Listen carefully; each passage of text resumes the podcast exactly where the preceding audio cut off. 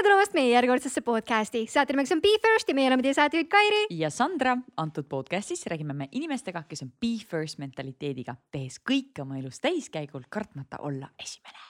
eriti täna keskendume sellele, sellepärast et meil on sajas episood ja meie pikaajaline unistus on täitunud, sest täna on meil saates külas Anti Kalle. ja Are Altraja. Anti on üks Eesti kõige ägedamaid ettevõtjaid ja Sportlandi üks loojatest. ja samuti on Are üks loojatest ja mõlemad nad on panustanud Eesti sporti ja kultuuri nii-nii palju ja neilt on nii palju õppida, nii et. äh, mega inspireerivad inimesed. aga mida? pange käed kokku, tere tulemast saatesse Anti ja Are Sportland, Be First podcast. Ahah, ahah ja ei sajas episood, palju õnne, Sandra! ja palju õnne, Kairi, high five! aitäh Sada teile, mehed, et te lasete meil sihukest Sada. podcast'i teha Vau. sada episoodi. sissejuhatus oli küll nagu pigem selline, et te just ütlesite, et kolmekümne viie kuni neljakümne viie aastased naisterahvad kuulavad. kas nad tahavad ka sellist cheerleading ut ikka veel kuulata? kakskümmend neli kuni kolmkümmend viis tundub, et äh, tahavad, miks nad muidu meid kuulavad kõigil inimestel igas vanuses on cheerleading ut vaja. okei Muidugi. jah. Igal, igal inimesel peaks oma elus olema vähemalt üks cheerleader. vastab tõele. nii, aga äh, me sukeldume kohe esimese segmendi juurde, milleks on mäng Minu esimesed. ja, ja mäng käib hästi lihtsalt, mina alustan lauset, teie lõpetate ja räägime teie esimestest. oota, kas see on kõikidega niimoodi olnud jah? ja see on meil äh, saate ülesehitus on põhimõtteliselt kogu aeg sama, nii et. no katsume olla siis. katsume olla. aga ma alustan. esimene spordiala. Minu esimene spordiala oli orienteerumine. kui vana sa olid siis? esimene klass, seitse-kaheksa aastat. millest selline valik, see ei ole tavaline sihuke. see oli meilgi Harjumaal Kehras, kus ma pärit olen, oli see väga populaarne ja meil olid seal väga head äh, treenerid ja, ja sealt see tuli ja metsas on mul lapsest peale meeldinud käia, olla, nii et mul oli seal, vanem vend oli ees ka, nii et mul oli seal eeskujud ja, ja head treenerid ja hea minek oli seal. kas see tähendab, täna sa metsas ära ei eksi? Ei, mitte üldse. lapsed, lapsed ka, ma loodan. aga orienteerimist sp- spordina praegu teed veel? ja, käin aktiivselt, olen Hiiumaa orienteerumisliidus seal liige ja, ja, ja käin suviti iga neljapäev metsas.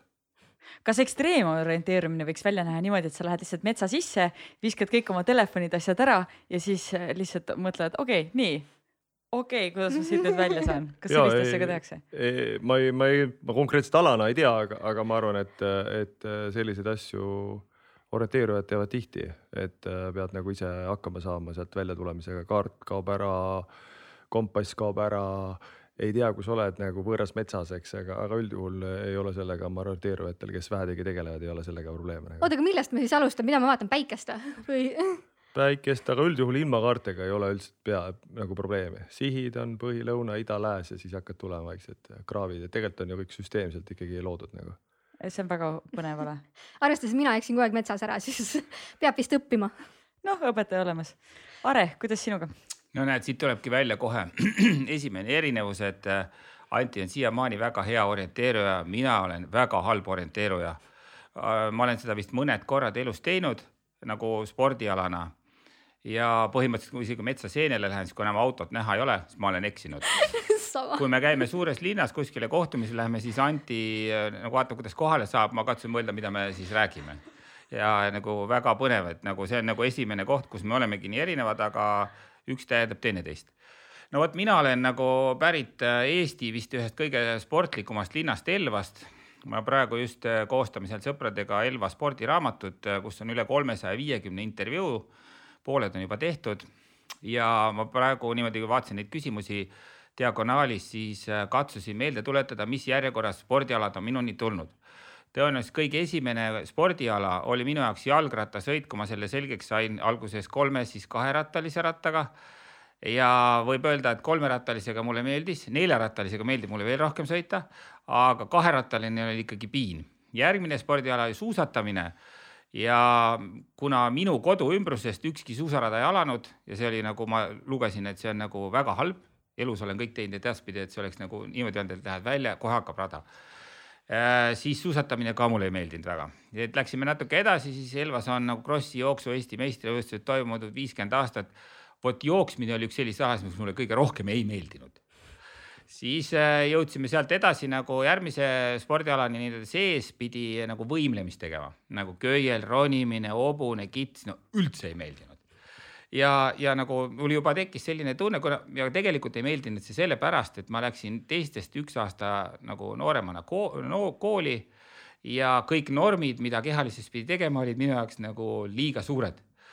aga siis ühel hetkel tuli see nagu areng järgi ja siis järjest äh, viieteist aastat kuskilt äh, tekkis selline huvi jõusaali ja fitnessi ja sellise nüüd tänapäevase mõistes fitnessi vastu, siis tegelikult äh, ühed Vene ehitustöölised tõid Elvasse sellise bodybuilding'u või atleetvõimlemise kultuuri, vot see mulle meeldis. järgmine siis enda samal ajal nagu legendaarne kergejõustikutreener Aleksander Menning seal kutsus mind kergejõustikutrenni ja kuna seal jõusaalis oli käidud, siis sellist lühikest maad mulle meeldis joosta. no ja siis järgmine spordiala, mis mulle meeldis, oli jalgpall, seal oli nagu võimalik ka kõike teha ja, ja nagu maa lähedal olla ja see mulle väga meeldis. korvpalli võis ka mängida,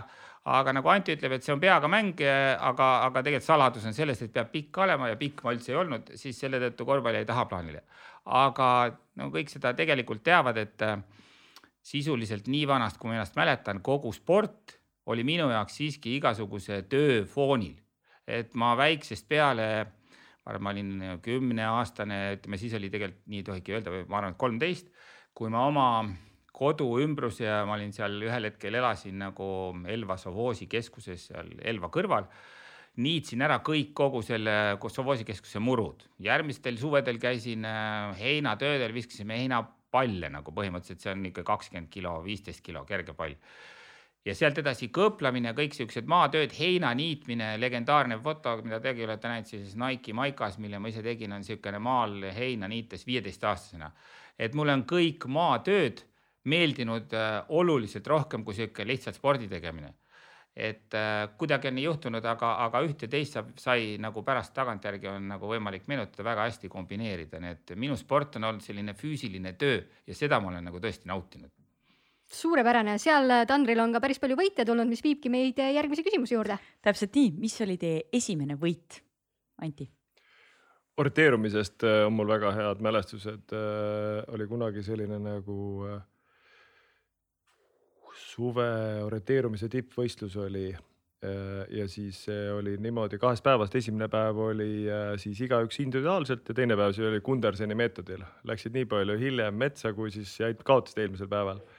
Äh, suvejooks oli see siis tol ajal oli hästi populaarne ja MN kümme klassis äh, ühe hea sõbraga e, oma klubist. Äh, tema esimesel päeval võitis mind igaüks kolme-nelja-viie minutiga ja teine päev siis läksin talle järgi. aga ma ei mäleta, kas ma olin teisena või kolmandana, igal juhul ma tulin nagu alati noored läksid kõige esimesena. ja siis, kui finišisse jõudsin ja siis vaatasin, sõpra ees ei ole, mõtlesin, kas tõesti. ja siis ta tuli, et nii, et selles mõttes, et see oli sihuke hästi meeldejääv võistlus ja siis oli veel Kunderseni meetod ei olnud veel kaasaegne nagu tänapäeval on. et sellest ajast on mul hästi meeles, et see oli minu esimene suurem võit, see oli siis äh, orienteerumisest. ja nii kummaline, kui, kui minul on äh, seda öelda, mulle ei meenu mitte ühtegi võitu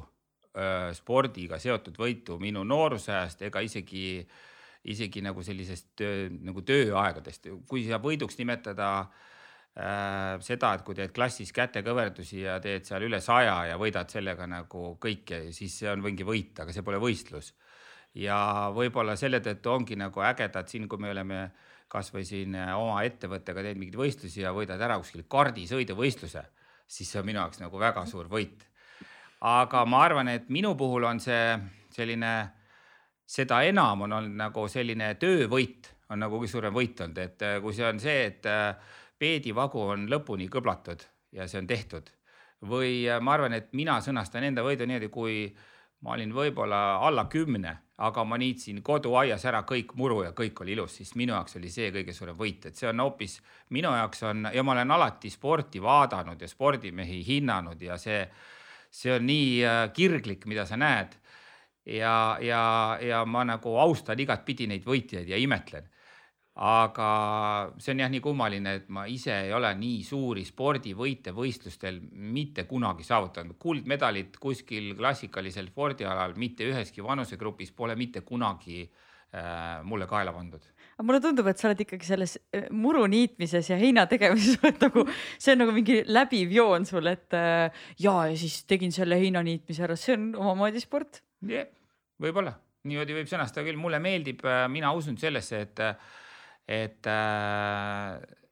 et nagu töövõit on võit. Ja, ja, ja nagu valesti arvavad minu arust need, et no ikka vahetevahel kostab, ah spordimehed, kusjuures mul isa ja ema olid väga head spordiinimesed ja võitnud võistlusi ja ja, ja minu jaoks oli suht naljakas nagu selline, et äh, nagu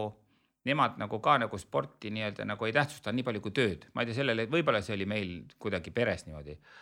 aga minu jaoks on olnud hästi kummaline hiljem kuulata siin, kui nagu Antiga tuttavaks saime, et mitmekordne meister mitmel alal.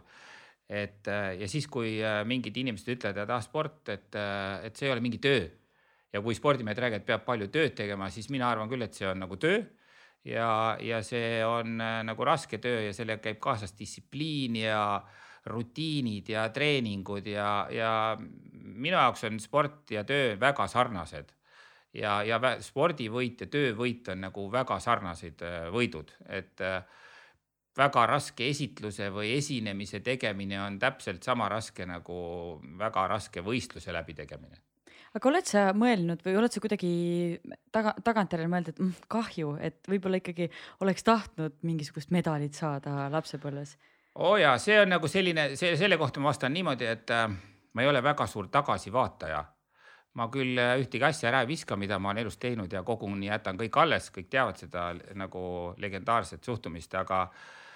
kuna ma olen ainult ühel alal võistelnud Eesti meistrivõistlustel, tegelikult kahel, ühel alal Eesti meistrivõistluses on autoralli ja teadupärast selles on see, et sellest ei ole mitte midagi kasu, kui sa tahavaatepeeglitesse vaatad, kuidas see kurv läks, sest vaja on keskenduda ainult sellele, mis on ees. Ja liiatigi siis, kui kiirus on suur. Nii et ma nagu ei ole selline tagantjärgi kindlasti kahetseja nagu tüüp ja ja elu on nii tempokas ja, ja samas äh, nagu nii palju huvitavat on kogu aeg ees, et kui veel selle taga oleva asja üle veel kahetsed, siis on nagu eriti halb veel ja need väiksedki või mis väiksed, need, need võidud, mis on saavutatud, need ma olen kõik arhiveerinud, aeg-ajalt võtad lahti, elad need uuesti läbi ja ongi äge no aga kui me ikkagi vaatame teie esimeste juurde tagasi, siis me teame, et kõige parem õpetaja on alati ebaõnnestumine. mis olid teie esimesed ebaõnnestumised? ma mäletan hästi kahte lugu üks oli see, kui äh, orienteerumisest äh, lõpuks äh, õnnestus minna noorte N-liidu meistrivõistlustele Mol Moldooviasse, kuskile Kišinevi väga kaugesse nurka. ja siis, kui olime kõik Eestis treeninud ja laagrites käinud küll Üllemäel ja Haanjas ja kõik kuplid olid, polnud mingi probleem ära võtta ja kui siis seal saabusid sellised mäed, siuksed kaheksasaja, tuhande neljasajased ja siis sa jooksed, sa näed seda punkti ja siuksed suured avarad vaated olid seal ja sa ei jõua, sa lihtsalt ei jõua. ja siis mõtled, et nagu täitsa lõpp, et mida ma siin teen nagu ja mingit lootust ei olnudki, kui mingid kohalikud, kes ikkagi on harjutanud ikka suuri mägesid, võidavad pikalt ja laialt sind, et, et äh, see on üks sihuke lootusetu ebaõnnestumine oli seal, et me küll viimasteks ei jäänud, aga, aga, aga esikümnesse ka ei saanud. Ja teine mäletan suusatamist, äh, sai ka väiksest peast ikka korralikult tehtud, äh, siis teatevõistlusel oli mul võimalus viia võistkond pronksile ja siis lõpusirgel läks suusakepp katki ja siis sa siis nagu noh, ei saa, kui sul ühtegi suusakeppi ei ole, siis sa ei saa kellegiga. kui tänagi vaatad, need suusalõpud on kõik viimaste peale, siis nii hästi mäletad seda nagu eilset päeva kuskil Loksa kandis äh, metsa vahel äh, staadioni sirgel, kuidas siis kepp katki läheb ja siis sa oled hädas seal ja sul ei ole midagi teha ja siis me jääme neljandaks, et äh, et siuksed äh, ebaõnnestumise spordinäited on, neid on kindlasti korvpallist ja, ja, ja muudest aladest äh, kindlasti veel, aga see on siuksed, mis kannavad kaasas nagu siiamaale veel väga hästi nagu meeles. aga ettevõtluse koha pealt? oih kas ma võin korraks selle spordi koha pealt, kas ma võin enne, enne küsida spordi koha pealt, et äh, kuidas sa oled hakkama saanud nende, nende, nende ebaõnnestumistega, mis sul spordis olid ja kas sa oled kuidagi suutnud nendest selle siis väljatuleku tuua ka oma ettevõtlusesse? Mina leian nagu spordist ja ka ettevõtlusest on ikkagi põhjus-tagajärg seos nagu, et äh, nii nagu äh, sellel on mingid lood nagu, igal asjal mõtled läbi, eks nagu ei, ei olnud ju raske tol hetkel äh, spordi mõistes ka näha seda ette, et millest see tulla võib ja kui sa ei ole nendeks ette valmistanud, siis, siis see untsu ka läheb, et, et see on hästi palju nagu sarnasust, et, et põhjus-tagajärg seos ja siis, kui sa analüüsid selle läbi, on ju pärast, eks kaotust või ebaõnnestumist on ju, saad endale selle juppideks ju selgeks võtta, on ju. ja siis sa pakid enda jaoks ära, et järgmine kord siis ma proovin neid vältida ja läbi, läbi mõelda asjad ja tegevused, et, et, et selles mõttes nagu äh, reaktsioon sellele on nagu läbimõeldud analüüs ja, ja sellest siis sa par, pargid selle enda jaoks ära selle, miks sa ebaõnnestusid nagu, et see ei jää sind kandma kaasas kogu aeg mingi ahistama, et see on pargitud, see oli sellepärast ja põhjus-tagajärg seos ja loomulikult vahest on ka õnne küsimus, aga, aga tihtipeale ikkagi kaheksakümmend protsenti on mingid asjad, on see vahest ka spordivigastused, asjad, et need on kõik minu arust põhjus-tagajärg seos lugu nagu. aga mis see ettevõtluse fail siis oli? no esimene, mis tuleb meelde? no e, meie enne kui me tuttavaks saime, alustasime T-särkidega ja, ja Indiast ühe sõbraga teeme igast kirju särke ja me ikkagi täiesti põrsas kotis ostsime asju nagu, et nad täiesti pimesi. Loksusime siit selle Estonia laevaga Stockholmisse, kus tal oli kontor ja India härrasmees oli ja, ja, ja, ja, ja siis ta näitas meile selle hunnikute kaupa igasuguseid kirjuid ja mirjuid, särke ja kuna meil oli viis tuhat dollarit siis taskus ja, ja siis me tellisime ta käest siin mingi kahekordse paber, kopeeritava paberi peale mingeid asju ja ja, ja siis tuli kohale, siis oli pool oli sellest ikkagi nagu kalts ja pool oli nagu midagi müüa, et selles mõttes, et see on nagu hästi meeles, et see oli valus, aga, aga selle võrra kallimalt pidid alles jäänud maha müüa, et otsad kokku saada. ühesõnaga, et ikka ära põrsast kotis osta. Aare, kuidas sul ebaõnnestumistega? ma, mul on väga raske meenutada ja, ja mulle ei jää meelde sellised ebaõnnestumised aga kui nüüd nagu hästi meenutada, siis need on nagu siuksed naljakad ja ma olen siin sada protsenti Antiga nõus, et kui sa, kui sa oled vähe ette valmistanud või sa vähe teadlik oled või sa oled vähe selle nimel treeninud ja lähed lihtsalt mingil muul X põhjusel, kas annad loa või lähed nagu noh, pulli tegema, sihuke nagu väga ei ole ehm, minu tüüp, et nagu siis ei ole ka neid ebaõnnestumisi, ebaõnnest- ja, ja need, kui, kui ebaõnnestumine klassikalises kõrvaltvaataja mõttes toimub siis ma olen, äh, see kõlab natukene selliselt enesekindlalt, aga ma olen sellest juba nõks ennem aru saanud, et, et, äh, et see, see võib olla ebaõnnestumine, aga ma teen selle ikkagi ära, sellepärast et see on õping. Ja vot see täpselt nagu Anti hea näide, et pool läks hukka, pool jäi alles, aga võib-olla selle tõttu õppiski kallimalt müüma neid maha. aga minul on küll olnud nagu nii-öelda kaks-kolm sellist juhust, mida, mis on nagu markantselt siiamaani meelde jäänud, mõtlen, millised need ebaõnnestumised on. Ja, ja esimene ebaõnnestumine selline äh, tuleb meelde, vast see oli üheksakümne teisel või üheksakümne esimesel aastal, ma käisin EPA-s, Eesti Põllumajanduse Akadeemia lõpetanud insenerina. Ja meil oli kehaline kasvatus isegi noormeestele, tudengitele, kehalise õpetajaks legendaarne kergejõustikutreener Helmut Heido. kõik eestlased teavad, mina, minu jaoks oli ta lihtsalt üks äh, kodanik nagu, et kes oli väga hea pedagoog, aga pärast ma sain teada, et on legendaarne treener, see oli sinu treener no ja ükskord äh, tegime EPA vanas võimlas niisama nagu pulli mõttes korvpalli jaoks soojendust ja, ja pidime ringi jooksma ja,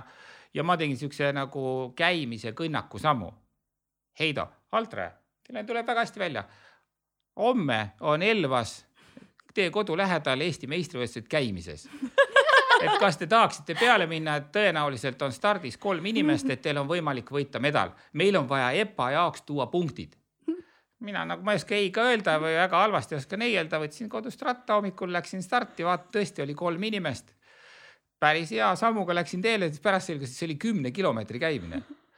no ja muidugi viiendaks kilomeetriks ma olin nagu, võeti mind maha, kuna ma olin ringiga esimesest äh, mahest nagu maha jäänud, et äh, et äh, ma juba teadsin ette, et ma ei ole mingi käija, noh. andsin inimestele järgi, läksin sinna võistlustele ja nagu võetigi maha, noh ja teine niisugune nagu, kus, ähm, kus oli nagu natuke teise nurga alt selline ootamatu, see ei olnud ka nagu ebaõnnestumine, aga lihtsalt selline näide,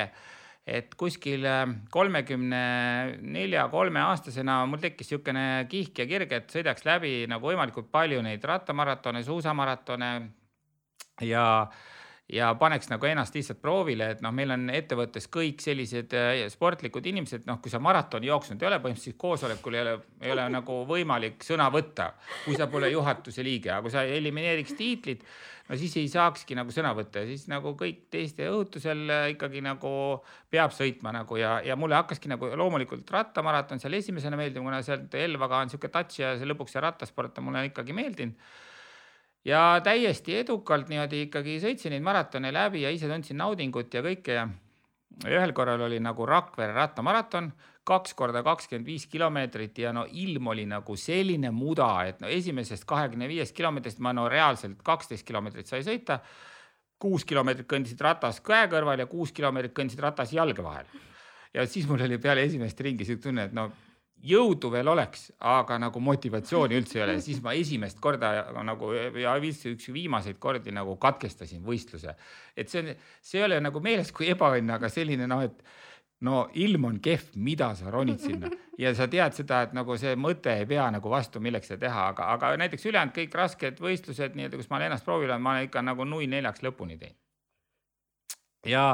ja kui sa küsid nagu ettevõtluse teemal, siis siis tõesti seda on nagu veel raskem äh, minu puhul nagu äh,,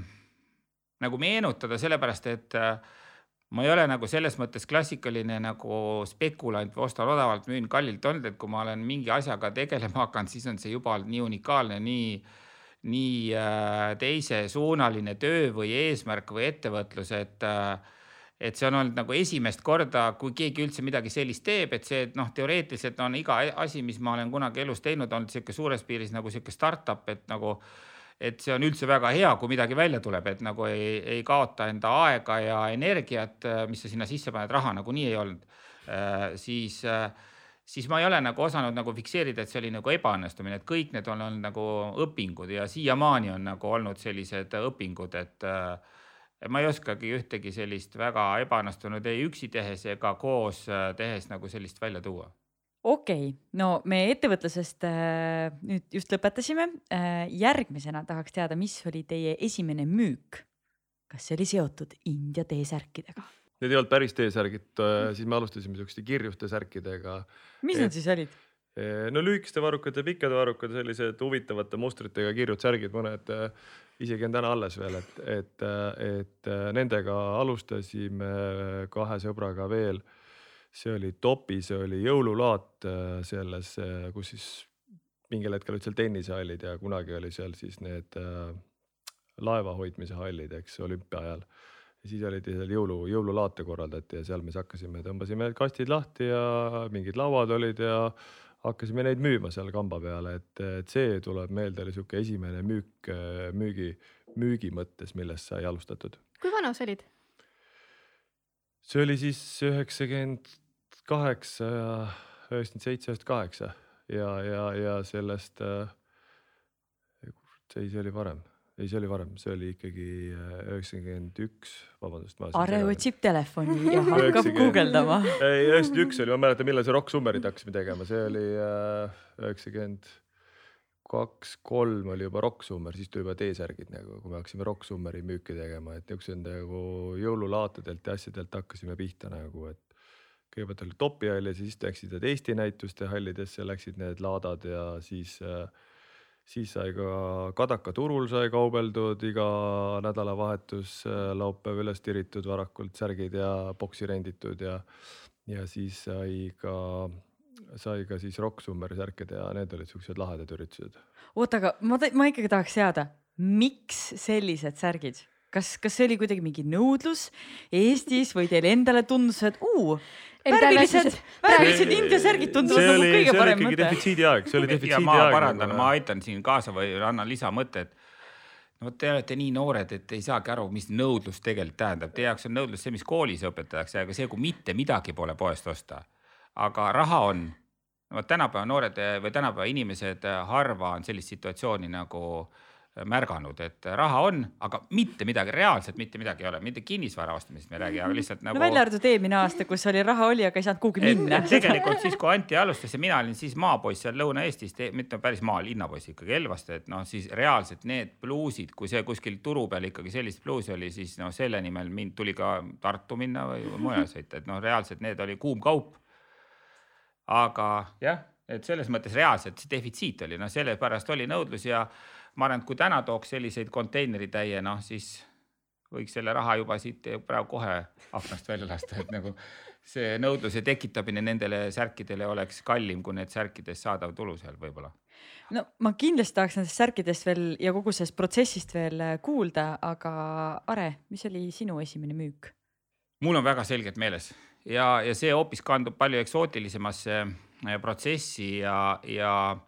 ja aegadesse, et ma, ma arvan, ma olin seitsmeaastane. minu esimene müük oli seitsmekopikalise plombiiri või õigemini koorejäätise müük Elva pingviini jäätiseputkast, kus mu pensionärist vanaema oli äh, nii-öelda palgatud äh, müüjaks aga see vanaema oli pensionärist äh, vanaema ainult Elva kooperatiivi jaoks, tegelikult oli tegemist nagu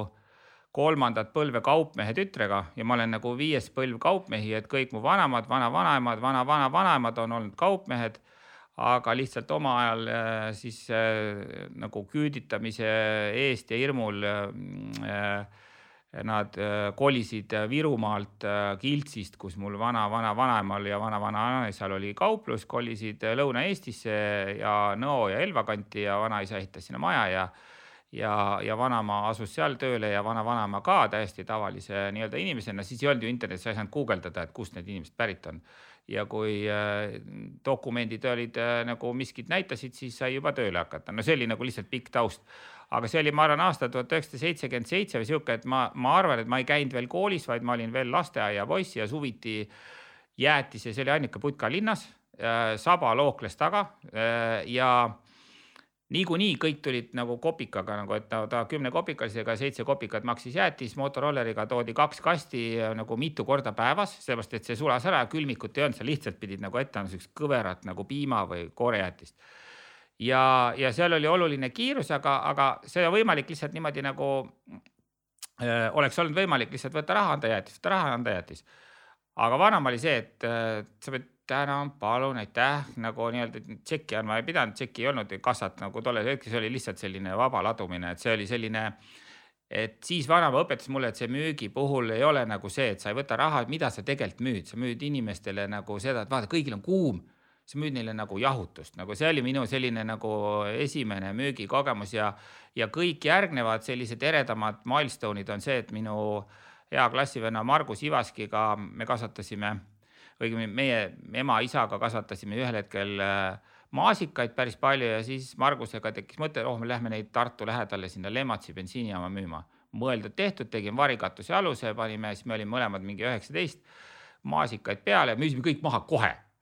ja nagu noh, nagu jällegi oli see, et äh, õige koht, õige aeg, äh, seal ajasime juttu ka nagu sinna juurde, et minu jaoks ei ole see müük olnud mitte kunagi selline, et vaja pressida äh, ja vaja nõudlust tekitada, vaid see on äh, jällegi sellise nagu spordist siia kanda, see on nagu eeltöö ärategemine, et kui sul on täpne ajastus, õige nagu nõudlus tekib ise ilmastiku või sellise sotsiaalse momendi tõttu.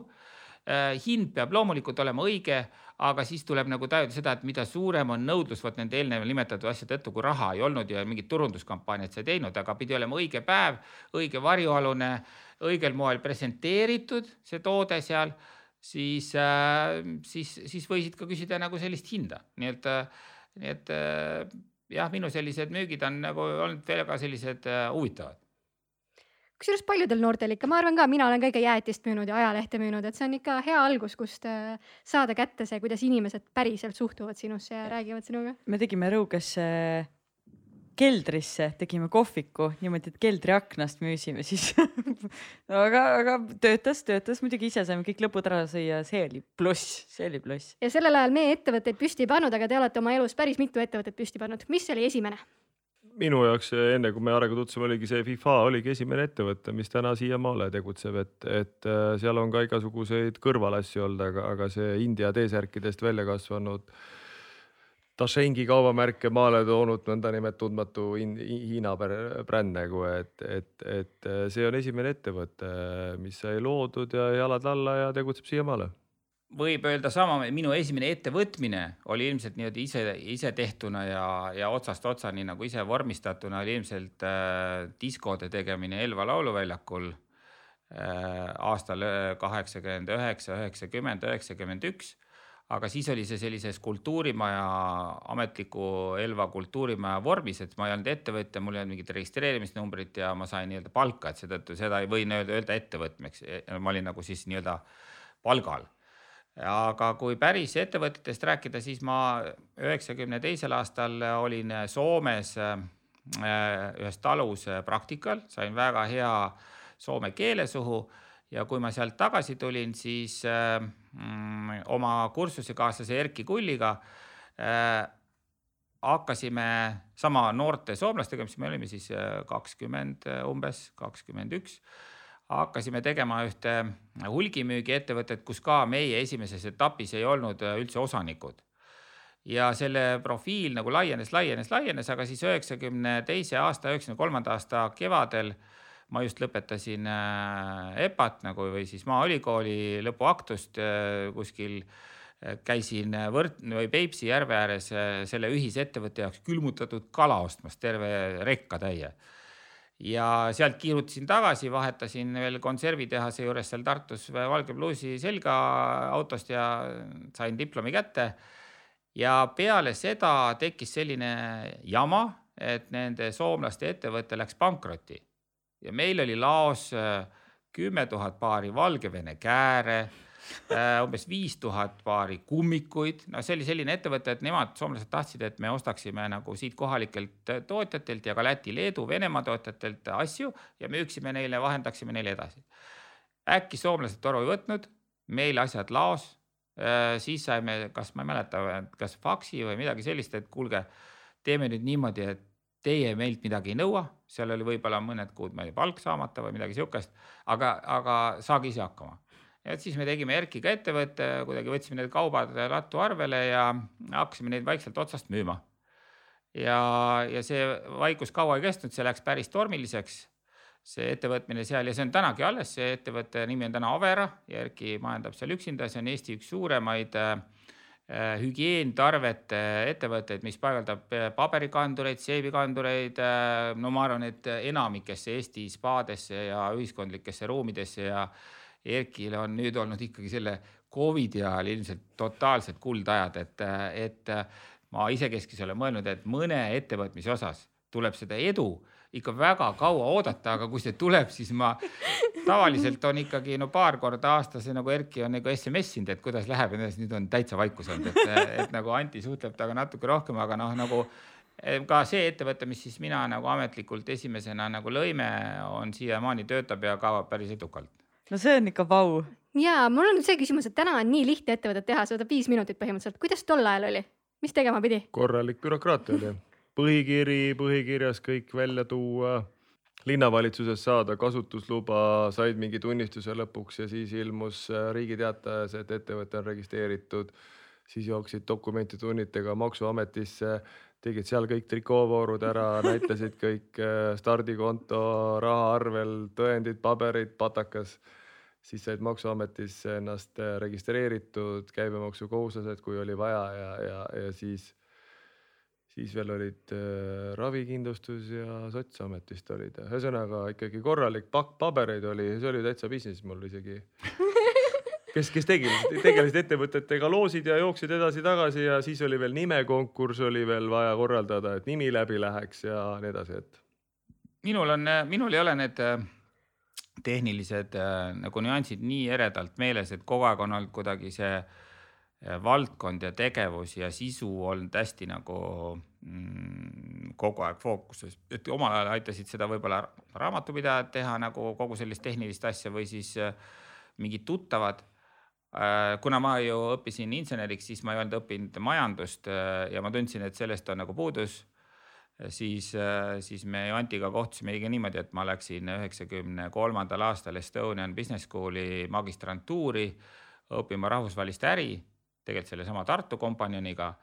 aga kuna seal Tartus ka äri siis läks kuumemaks, siis äh, ühel hetkel see Tartu kompanjon nagu loobus, pink jäi tühjaks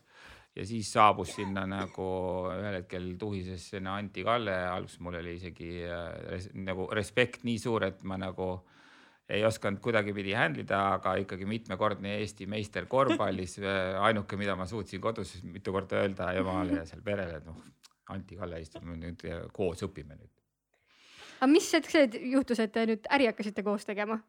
mina mäletan sedasi, et, et jah, EBS-is tutvusime koolis ja siis, siis oli Tartus ei olnud meil väga suurt müügisüsteemi tol hetkel, sest siis olid ikkagi suhteliselt äh, self-made men olid, et äh, olid laomees, siis olid äh, autojuht, siis olid raamatupidaja ja kõik ühes isikus nagu, et äh, paar koostöösõpra olid mul veel tänased tublid Rapla mänedžer Jaak Arp oli meil autojuht. Täna klubiteener Tair Tenno oli meil laomees ja siis oli seal veel mõned sõbrad abiks nagu. Aga Tartus meil ei olnud korralikku müüki ja Are oli Tartus kunn nagu ja kõikide ETK-de ja kaubamajade prouadega said hästi läbi, kuna sinna Kääre ja kummikuid oli müüdud, et siis, äh, siis sai hakatud pihta selliselt, et mina andsin neile kaupa sinna Avera Trading usse ja nemad siis müüsid ja ja seal nagu Are-sugust aktiivsust oli kõvasti näha, nii et sinna läks aina rohkem kaupu ja, ja rohkem kaupu ja selle kaudu me nagu tuttavaks saimegi, kuni üks hetk siis arvasime, et me võiksime seda edasi koos teha. ja mul on enam-vähem samamoodi peegeldanud üks väheseid asju, mis meil enam-vähem ilmselt samamoodi meeles on et äh, mul oli ka niimoodi, et meil kool oli ju hakkas äh, neljapäev, reede, laupäev oli kool. kas kolmapäeva õhtu või neljapäeva päeval ma tulin Tallinnasse, õppisime nagu päev otsa, oli vist niimoodi koolis. Antit ei olnud, siis tema oli kuskil laagris või trennis võistlustel, siis ta ikka ühel hetkel nagu laekus siis laadisime minu vana BMW täis T-särk, kõik kohad, igatepidi kõik kastid, kõrvalistuistmed, kõik, mäletan, et sinna läks umbes kaheksateist tuhande krooni eest särke sisse, Anti kirjutas arve välja. pühapäeva õhtul, laupäeva õhtul oli loomulikult seal kõik kursakaaslastega, et džintoonikud ja kuskil niisugune olemine, siis sai kõiki tulema, paremini tundma õpitud pühapäeva õhtu koju, esmaspäev, teisipäev, kolmapäev, kõikide muude asjade, mida, mida seas, mida Tartu ettevõte müüs, ilmusid valikusse ka T-särgid, nimekirjas mingid sada erinevat. käärid, kummikud, T-särgid. see oli nagu väga tänuväärne kaubagrupp, tekitas uue segmendi täiesti, äh, mul oli seal kõik Excelis tabelid, äh, raamatupidajad, kõik olid nagu kõik hästi nagu ülevaade olemas sellest, kõik kaubabaaside ja väikepoodide, ma mäletan, sada kaheksakümmend klienti oli seal Lõuna-Eestis ja niimoodi ümberringi nende äh, ostujuhid ja ärijuhid ja paljud olid väiksed erapoed, need plaksutasid ainult käsi, et nüüd issand, T-särgid tuuakse ka niimoodi kohale kohe ja, ja juurdehindlus oli hea ja see asi alati lõppes niimoodi, et ma nii-öelda neljapäeval tulin äh, tagasi nagu Tallinnasse, panin Antile raha laua peale selle eelmise arve eest, enam-vähem niimoodi oli see üle kantud juba, siis raadasime jälle uue rekka täis, siis Anti ühel hetkel ütles, et äh, kuule, et võiks nagu kuidagi ühildada need süsteemid, et, äh, et, et teeks seda koos. Ja, ja minule ka kuidagi see äh, nii-öelda selline moega koos käiv äh, nagu show mida tekitas no esimesena sport ja kõik korvpall ja olla ikka nagu seal Eesti suurele korvpallile põhimõtteliselt nii-öelda käeulatuses niimoodi, et nagu saan arve isegi suure korvpalli esindaja käest. see oli ikkagi uhke tunne, aga teisest küljest see oli kõik nagu niisugune glamuurne värk ikkagi, et äh, kui Rauno Pehka ja Tair Tenno ja need astusid ka läbi ja, või andsid veelgi kastid autosse nagu andsid laadida, et see kuidagi oli niisugune väga väga nagu äge. Ja teine, mis siis äh, üsna, üsnagi selliselt äh, noh, täna võib nimetada influencer'iks, et äh, kui ilmus areenile Teet Margna nagu juba siis telefiguurina ja kui me saime Teet Margnale selga panna meie selle Malhotra niisuguse särgi, mis seal oli ja esimest korda oli kuskil, kas see oli Ärileht või Ärielu või mille esikaanel seal Teet ilmus, meil on see ajakiri alles täna kontoris ka no siis oli Muidugi see ikkagi on. influencer marketing oli nagu see ja kui seal ikkagi tele näol on juba seljas see toode, mida sa said nagu ennem rääkida, see oli minule seal kui väikelinnast tulnule selline nagu nii-öelda nagu kontakt ikkagi nagu täiesti glamuurse show business'iga juba. lihtsalt huvi pärast, sest et mulle tundub, et teie see mentaliteet on alati olnud selline, et äh, mis mõttes ei saa, teeme, proovime kui te oleksite olnud kui te näiteks oleksite praegu sama vanad kui siis, kui te alustasite kogu jalajälje äh, selle ettevõtlusega, aga see oleks juhtunud praegu, kas, kas see oleks võinud minna kuhugi, ma ei tea, veel suuremaks või et kas oleks olnud midagi teistmoodi, sest tegelikult need, need võimalused teil siis olid ju väga-väga väiksed, väga sellised nagu piiratud. noored ütlevad just vastupidi, et praegu on kõik leiutatud, siis oli nii palju lihtsam kuidas te, see on väga hea point, kuidas te näete seda? No ma võin, võin siit otsa lahti teha, et äh, mina olen seisukohal, et äh, see on nagu vaate küsimus, et kui sa ütled, et võimalused olid piiratud, siis ma julgeks öelda, et võimalused olid just väga suured, kuna turg oli nii tühi tegijatest. Ja kui sa leidsid seal põhimõtteliselt me oleme nagu kogu aeg selles ettevõtluses endale ise turu tekitanud, et noh, nagu oli see särgimüük, me läksime lihtsalt nii suureks, et selle turule ilmusid veel mõned konkurendid. Ja mõni konkurent võib-olla oli ennem, aga tema müüs tõesti lihtsalt särke aga meie hakkasime nagu koostööd tegema Jüri Makaroviga, Rock Summeriga, telesaadetega müüsime ja trükkima, et see oli nagu uus dimensioon nagu Ivo Linna kasseti andsime välja nagu ja olime Pirital, kus meil oli kont-, kontor Pirita hotellis, seal topis oli kontor, üleval korrusel sündis äh, ansambel Two Quick Start ja Aiden Pott, Auris Rätsep äh,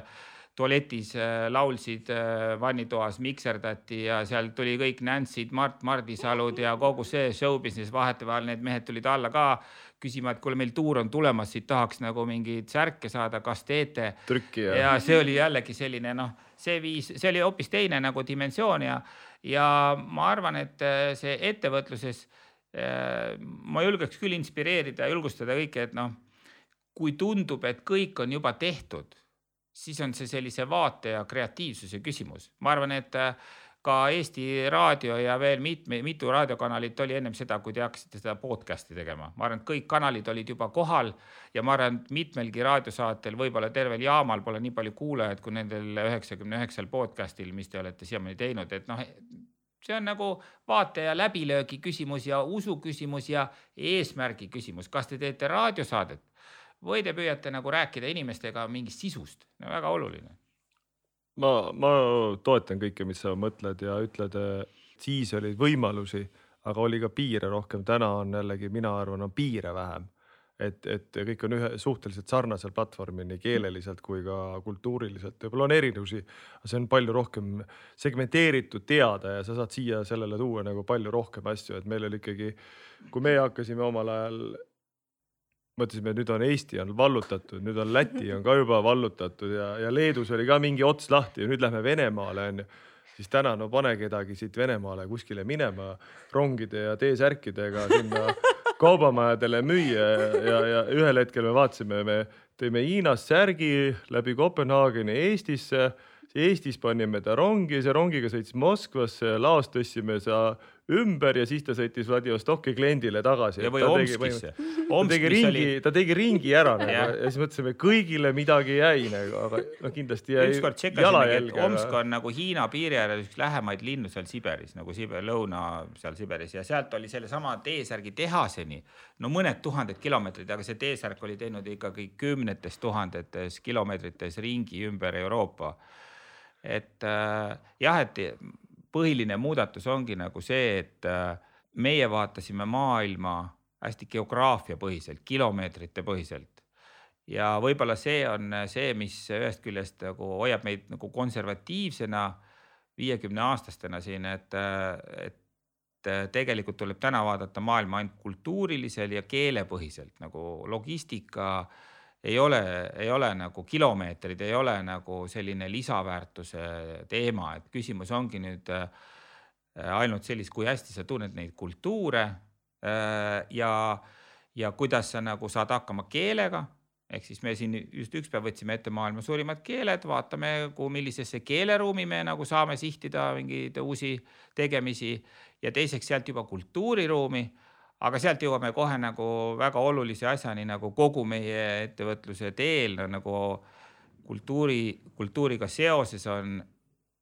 väärtushinnangud ja kultuuriga seoses on selline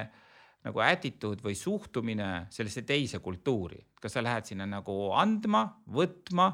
või inspireerima või eest vedama, sellest sõltub ka see, et nagu majanduslikult on need terminid nagu investeeringud ja tasuvus, aga kui sa jätta nagu majandusterminid kõrvale, siis mis need on terminid siis, et et ma arvan, et, et meie sellistele väärtushinnangutele, sellistele suhtumistele tollel ajal olid need kilomeetrid suureks takistuseks, täna me tunneme, et need kilomeetrid on kadunud ja, ja ainult meie enda konservatiivsus on see, mis hoiab tagasi. Aga Antil on tõsi selles osas, et nagu kõikidele turgudele nagu näiteks konkreetselt Venemaa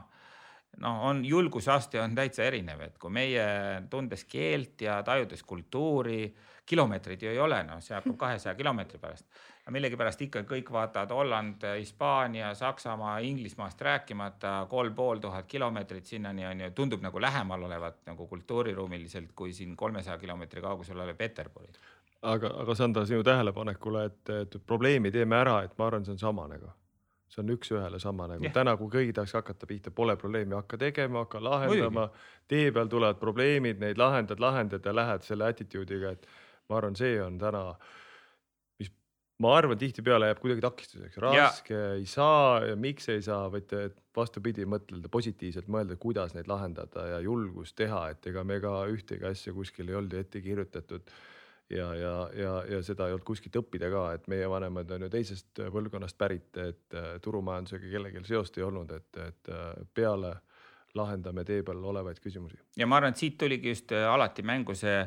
spordimehe attituud, et tavalist tööd tehes, no sa ei saa seda vagu kõblatud või nagu heinakoormat tühjaks visatud, kui nagu hakkad seal liiga palju kalkuleerima, tuleb hakata lihtsalt tegema. lahendus ja kaaslased ja abi tuleb sageli ka töö käigus, vahel ei tule ka. ja Antil täpselt, mina olen hästi palju õppinud sellest eh, nagu spordist, et ega sa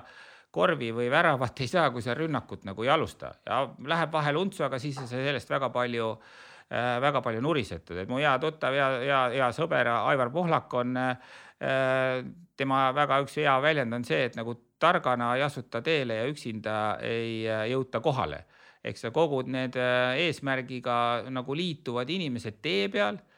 ja, ja no ma arvan, et teie ka, tüdrukud, et kui te olete midagi väga rasket ära teinud, siis vahetevahel te mõtlete oleks ma teadnud, et see nii raske tee on, siis ma poleks üldse alustanudki.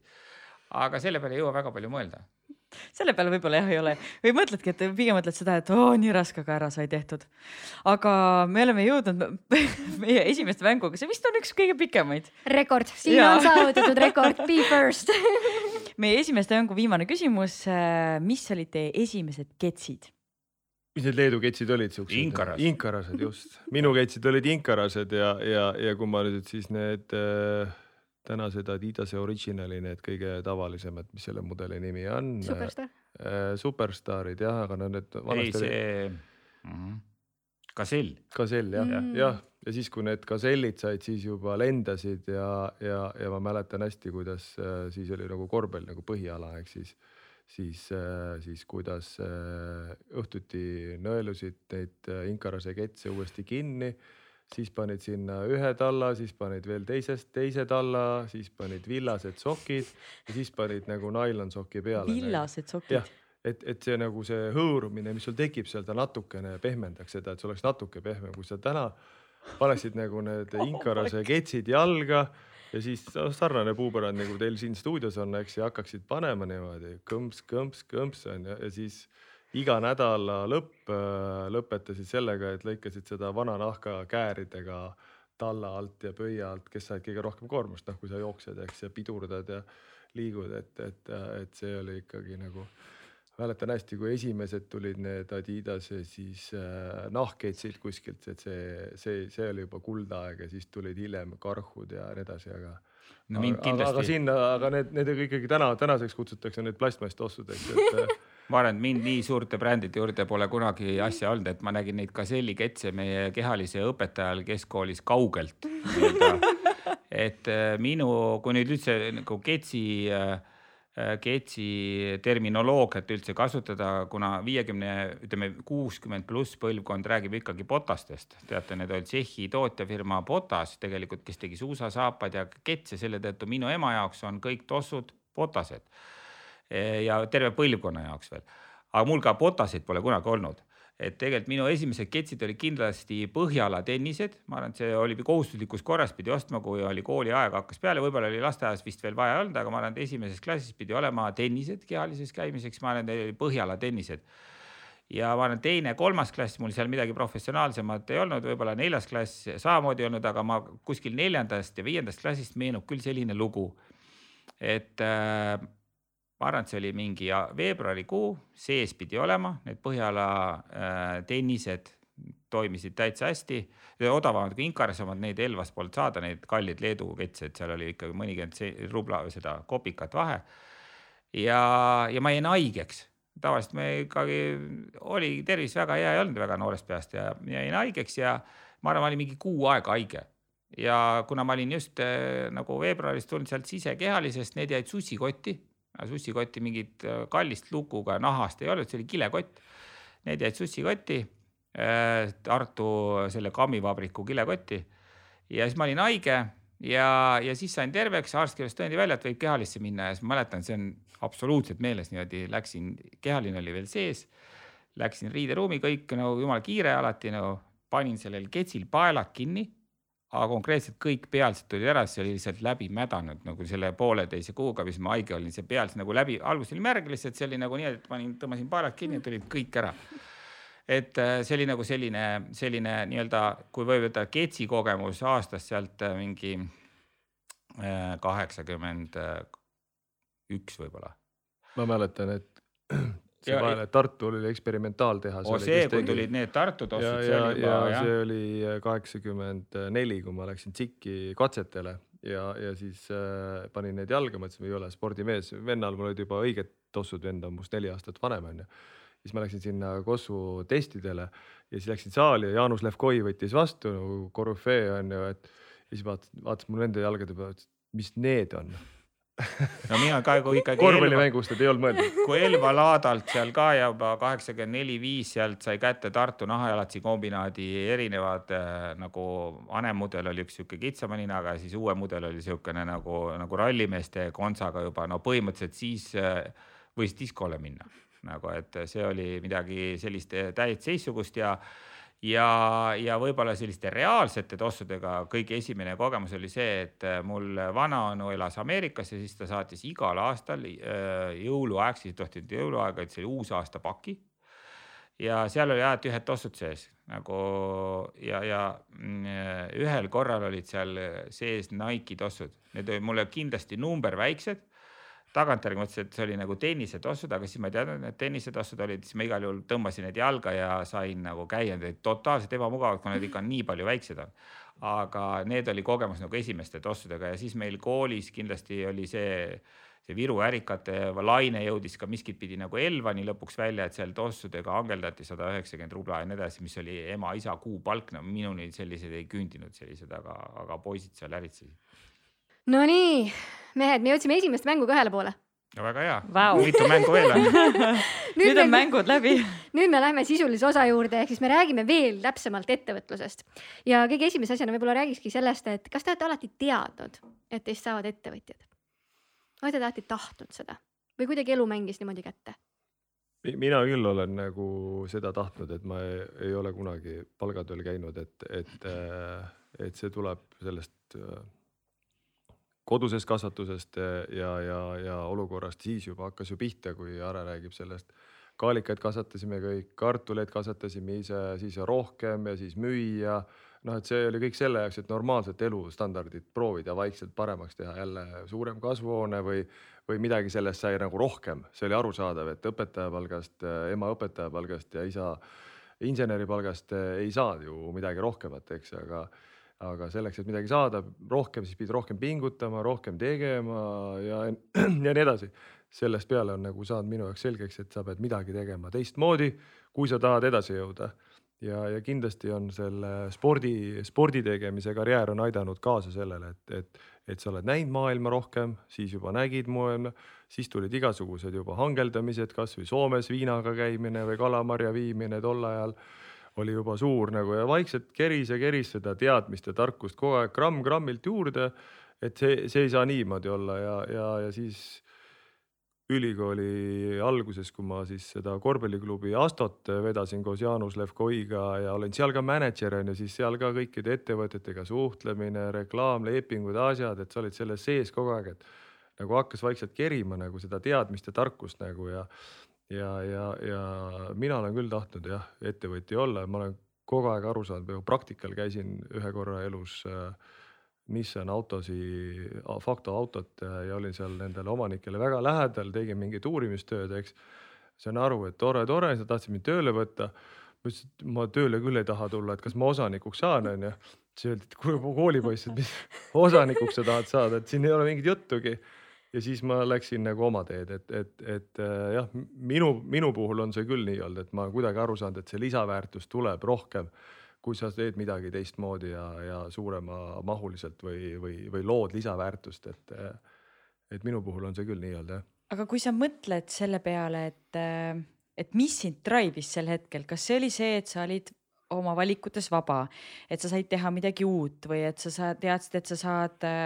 sa nagu teenid sellest rohkem, et mi, mis need nagu need driver'id võisid olla, sest et noh, lihtne on ju minna kuhugi tööle, saad iga kuu saad palga, tiksud oma aja täis. aga siis see oli juba siis ülemineku ajal juba hakkas see pihta, kui, kui me olime, eks kaheksakümmend viis, viisteist, neliteist, siis juba hakkas see natuke pehmem, kaheksakümmend viis, kaheksakümmend neli on ju. siis juba hakkas ju pihta, said midagi rohkem teha, kooperatiivid nagu mina nägin seda kõrvalt ja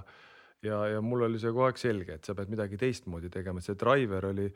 oli ka siis spordist tulev nägemine, siis seal Kalevi pingil äh, ja seal duubelmeeskonnas olemine, et siis oli kõik seal näha juba, tegid rohkem, juba meestel olid autod ja dressid ja hangeldamine, vaikselt juba käis sihuke kontrabanda, vaikselt käis nagu, see oli kogu aeg ja kunagi isegi sai Viru kõrval raha vahetatud, et see, see kõik niimoodi niimoodi käis ja kujunes ja, ja Moskvas sai, äh, kus kunagi siis keskpank vahetas dollareid iga inimestele mingi kursiga, fiksitud kursiga, sõitsid tagasi, olid nagu ostsid jälle hunniku äh, vahetasid raha ära, nagu said sealt ühe kursiga, said Moskvast osta, tulid Tallinnasse, maksis teist raha nagu, et see ei ole hangeldus, aga sa lihtsalt teadsid seda infot, sportlastena vahetati ja see informatsiooni ja, ja, ja kogemuse põhjal said aru, et noh ja siis vaatad äh, oma vanemate seda palka, siis tol hetkel oli see sada kaheksakümmend rubla või kakssada rubla onju. ja siis nagu sportlaste päevarahad ja siis tulid palgad ja asjad, no see oli nagu, see oli teine maailm, noh siis oli ikka -hmm. selge, et sa pead sellega tegelema, et see on võimalus. et nagu see kombo, ma arvan, nagu mõlemast asjast nagu kokku nagu mm. -hmm. no minul on, mina olen selle üle nagu väga palju mõelnud ja sellest ka väga palju rääkinud, et et, et minu jaoks on ettevõtlus algab pihta initsiatiivist isiklikust initsiatiivist, väärtuse loomisest, sellest samast, et hakkame nüüd pihta, teeme ära. eesmärgist, et kuhu me jõuda tahame ja, ja, ja sellega seoses nagu ongi hästi raske defineerida, mis see ettevõtlus siis on, kas see ettevõtlus on lisaväärtuse tekitamine raha eest või on ka ettevõtlus see, et kui ma võtan muruniit ja jälle seesama muruniitja näide, lähen niidan muru ära, mitte selle, vahel sellepärast, et saada füüsilist koormust. Aga näiteks kui ma olin tõesti nagu seal kümneaastane ja oma Elva koduaeda tegin, siis mul oli eesmärk teha ilusaks, sama ilusaks nagu vanaema ja vanaisa või vanaema ja isa ja ema olid seda nagu teinud ja hooldanud. aga ma tahtsin näidata, ma saan ka ja ma teen veel ilusamaks ja veel paremaks. Ja, ja see oli nagu, ma arvan, et see on ka ettevõtlus, sealt veel tagasi minnes, et kui ma olen nagu seal äh, mitme, mitut, mitmendat põlvke kaupmees, siis teist suguvõsa haru pidi ma olen nagu ikkagi talupidajate nagu laps või lapselaps ma arvan, et kõige klassikalisem näide ettevõtlusest on talupidamine, see on nagu eestlastel väga veres, et eestlased ei ole linnavurlejad, kauplejad, vähesed on võib-olla nagu loomulikult on haritlased siin sees, aga väga paljud eestlased on talupidajad, kõige klassikalisem näide on nagu maal talupidamine on nagu ettevõtlus no kõige klassikalisemas mõttes et sa ei saa mitte mingit saaki, kui sa kevadel ei hakka nagu maad ette valmistama või, või seda korralikult ei hoiusta, see nõuab nii strateegilist, taktikalist kui ka operatiivset mõtlemist ja enese ülesajamist. väga paljudes on see ikkagi geenides ja ma arvan, et see on väga tore, et nagu et seda geeni nüüd selle Covidi ajal kuidagi leitakse ja see, mis inimesi tõmbab maa poole, sageli kõik nagu nagu näevad seda võib-olla looduse tõmmet ja tunnetavad seda, aga võib-olla natuke vaadata veel enda sisse rohkem tagasi ja tunned, et sa oled nagu talupidajate lapse, lapse, lapse, laps ja tegelikult see ettevõtlusgeen on kuskilt sealt juba pärit. aga minu puhul on jah selgelt see, et, et, et nagu raha pärast pole nagu kuidagi nagu midagi alustanud ja see on ettevõtmine, ettevõte, ettevõtlikkus, et majanduslik termin jälle on siin see nii-öelda ettevõte ja kas sa oled ettevõtja, aga emotsionaalne, sisuline termin on siin ettevõtlikkus ja initsiatiiv. ja mis seal salata, kõik inimesed ei ole initsiatiivikad. paljud väga head inimesed, väga austusväärsed on need, kes kes nagu tulevad kaasa, täidavad rolli ja ootavad nagu seda, et anna nüüd lõik ja seda, seda ei saa kuidagi nagu pahaks panna, ega, ega see on nagu inimeste teistsuguselt nagu moel see veres ja ja, ja erinevad taustad on, miks inimesed kardavad olla initsiatiivikad, võib-olla keegi on kuskil vastu näppe saanud või kuskil mingi kogemus on. ehk siis see, eh, sealt tekib nagu selline hoog ja siis on juba järgmine tase on nagu see, et mis sind nagu inspireerib, nagu mis sind inspireerib edasi, mis sind nagu motiveerib, kas see on eesmärk, kas see on protsess ise, kas see on kellegi kiitus kõrvalt. No kindlasti pole see kellegi laitus ega mingi kriitika, see saab olla inspiratsioon nagu miskit pidi teha ilusa aed, teha korda, näidata teistele, ma arvan, et edevus ja kadedus, ma olen seda meie organisatsioonis öelnud, on väga positiivsed nagu nähtused meie organisatsioonis nagu edevus ja ka kadedus, et need kaks edasiviivat nagu jõudu ühel või teisel moel. Ja, ja tõepoolest, et noh, on olnud selliseid naljaga pooleks selliseid kriitilisi momente ka minu elus, et no see ei ole ka selline äh, et kui ma mõtlen seda, et no kas tõesti nüüd hakkama ei saa, et noh, diskosid sai tehtud täiesti ise ette võetud, ise muusikat salvestatud, ise nagu tehtud seda mitte sellepärast, et et kultuuripäev maksis sada rubla ja keegi tellis sooviloo veel kahesaja rubla eest. Ja ka kuskil seda, aga kõige ägedam oli ikka see, kui tuhat inimest Elva lauluväljakul tantsis minu muusika järgi. ja see rõõm nagu sellest ja see feeling on see, mis nagu viib edasi, kui selle eest nagu lõppkokkuvõttes veel tullakse, makstakse, väga äge aga, aga, aga jah, siis kuskil selle, kui need diskod said ära lõpetatud, ühel hetkel ma nagu tundsin, et no ma ei õpi seal inseneriks sellepärast, et kell kolm veel tulla nagu, et pane veel I promise myself. no aga makstakse kakssada rubla. ei ju maksti viiskümmend kolm korda, aga ikkagi ühel hetkel ma tundsin, et see pole nagu see, andsin nagu kogu selle tehnika sinna tagasi ja keskendusin veel viimased kursused õpingutele. siis oli küll nagu ühel korral oli kõrgema matemaatika kolmas eksam Äh, ja, ja, ja nagu oli kuidagi, Anti sõnast kinni võttis, et nagu ütleme nii, et ettevalmistus oli kehv. ja läksin peale, mõtlesin, et no, et äh, tegin eksami ära ja siis õhtupoole jõudsin Elvasse tagasi ja ütlesin isale, et kuule, et äkki tõesti seal Elva EPT-s mingi instrumentaaltehnika luksepp oleks olemas, kes nagu päris õli sees kättpidi ei ole, aga nagu midagi teeks, aga siis järgmisel päeval ikkagi tuli altraja kolm rööbast ära ja siis ma sain nagu sellest punktist üle ma lihtsalt mõtlen, et kui on näiteks keegi, kes kuulab praegu, äh, kellel on olemas see idee ja see silm särab, aga ta ei tea täpselt, mis see eesmärk võiks olla. mis, mida te sellisel juhul soovitaksite? Asking for a friend või no, Constantly ma olen seda nii palju, nii paljudele inimestele nagu rääkinud ja ma endiselt kordan seda, et kõik hakkab, hakkab pihta minu jaoks ja need, kellele ma seda soovitan, on see, et miks sa seda teed et miks seda vaja on. ma nii imestan seda, kuidas noh, ma olen mitmeidki diplomitöid ja kursusetöid siin konsulteerinud ja inimesed tulevad, et no mõtleme nüüd välja missiooni, et, et nagu äriplaan on olemas ja numbrid jooksevad kokku, mõtleme nüüd, sõnastame nüüd ka missiooni ja visiooni. et miks me seda siis nüüd teeme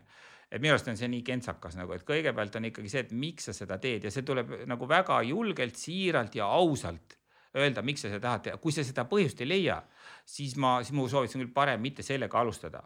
Aga jälle teistpidi inimeste nagu inspireerimisega kindlasti et igas inimeses, absoluutselt, ma pole näinud veel seda vastupidist näidet, on kindlasti olemas see,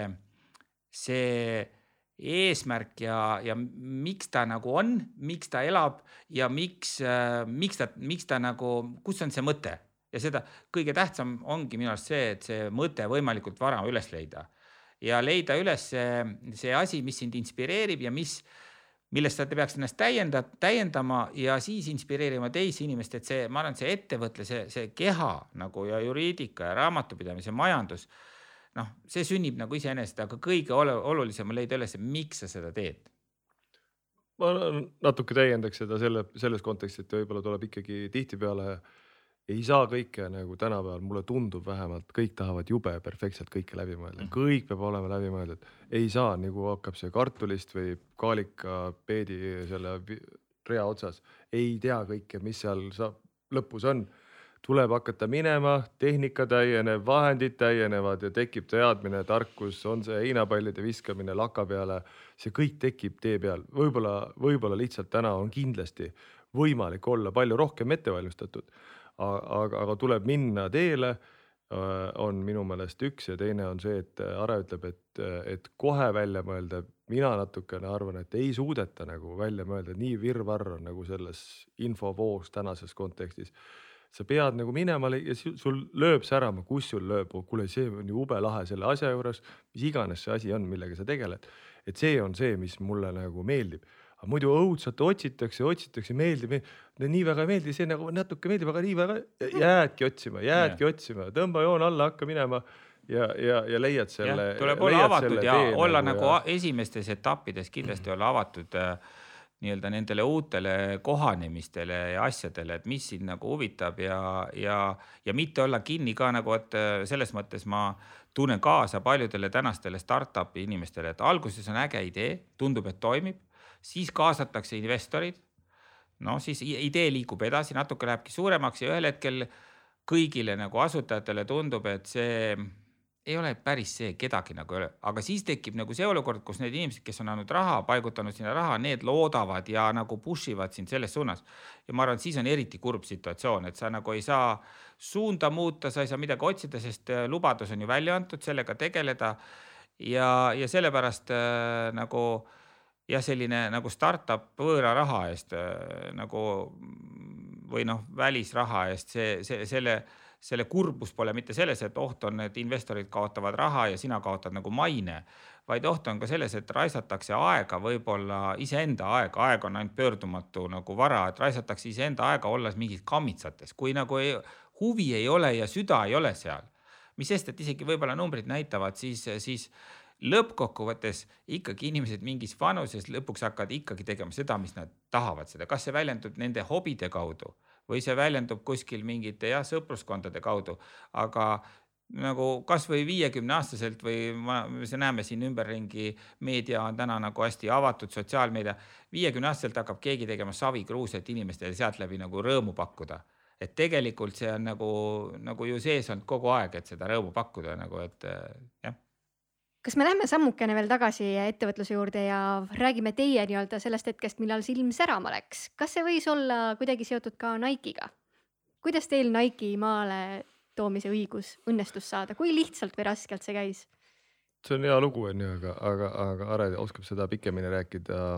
ma mõtlesin, et see on see, kus on erinev lugu ei, ei, ei. see on täitsa sama lugu aga, aga, aga ma võib-olla mingi paralleeli toon äh,. Aare räägib selle loo ära siis, et, et äh, kui ma neid kirjutsärke tõin, siis tulid tavalised särgid, siis sellele tuli peale äh, trükkimine, et jälle lisaväärtust juurde panna, jälle kroon juurde panna või hinnale, eks luua rohkem väärtust selle asjale.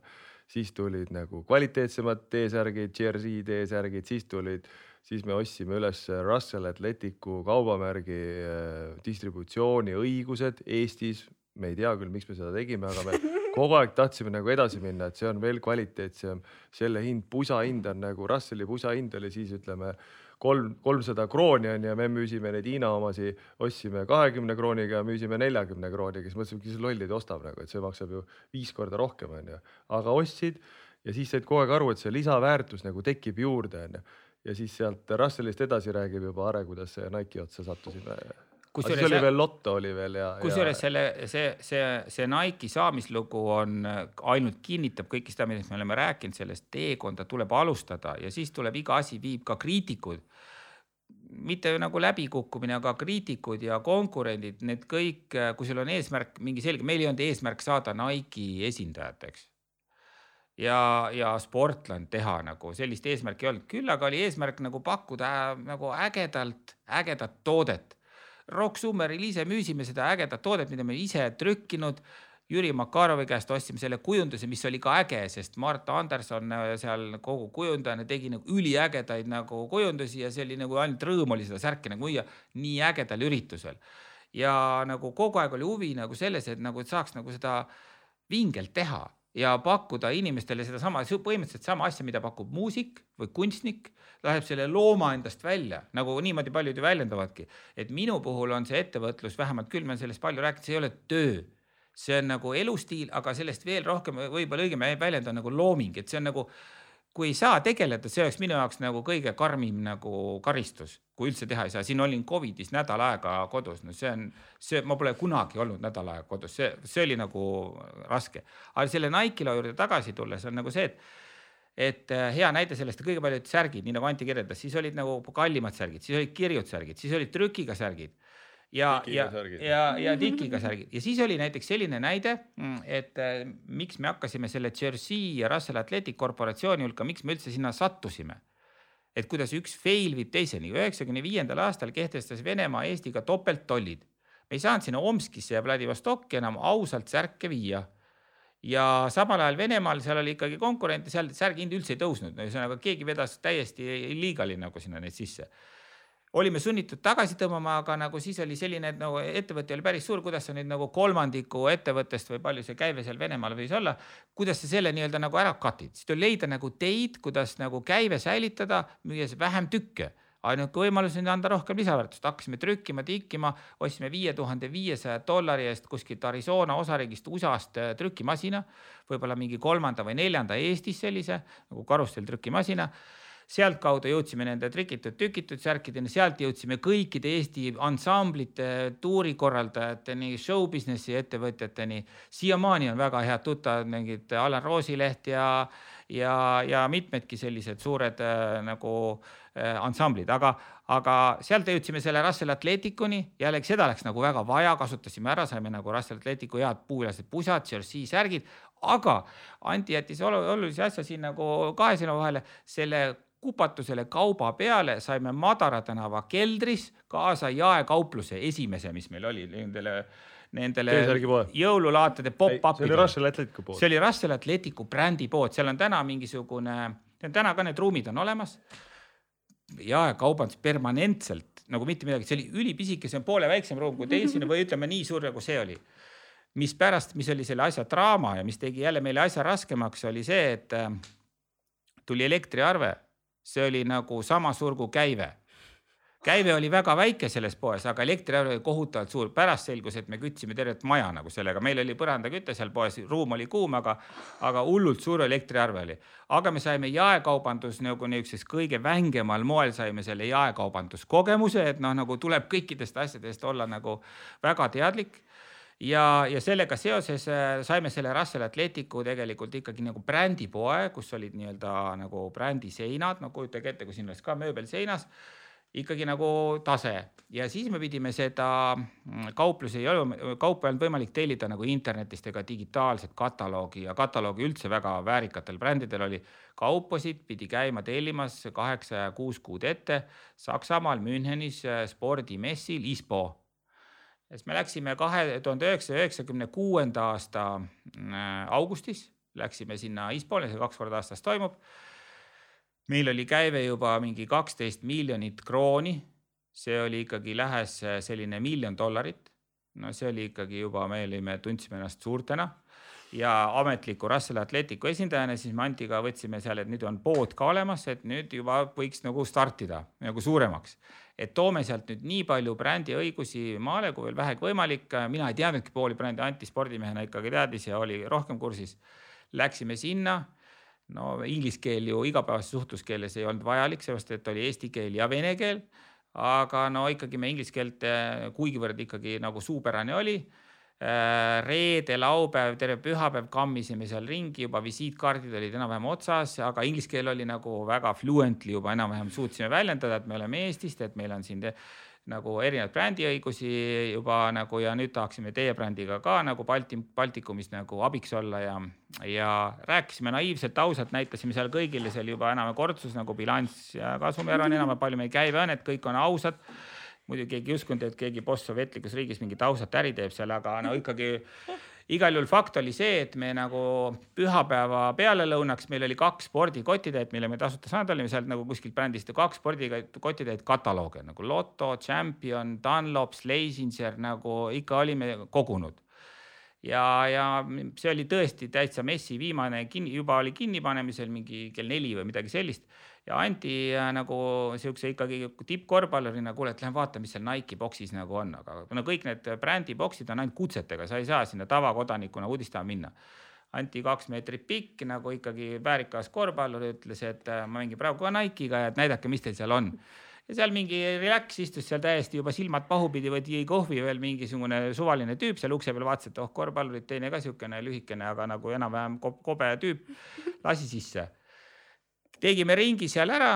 ja, ja nagu vaatasime, lihtsalt keskendusime tegelikult mitte sellele, et nagu, mis on äritingimused, kas teil on esindaja, Anti seal küsis professionaalseid küsimusi, seal vaatas nagu tossu ja nagu, nagu korvpallur peab olema nagu, nagu sportlane.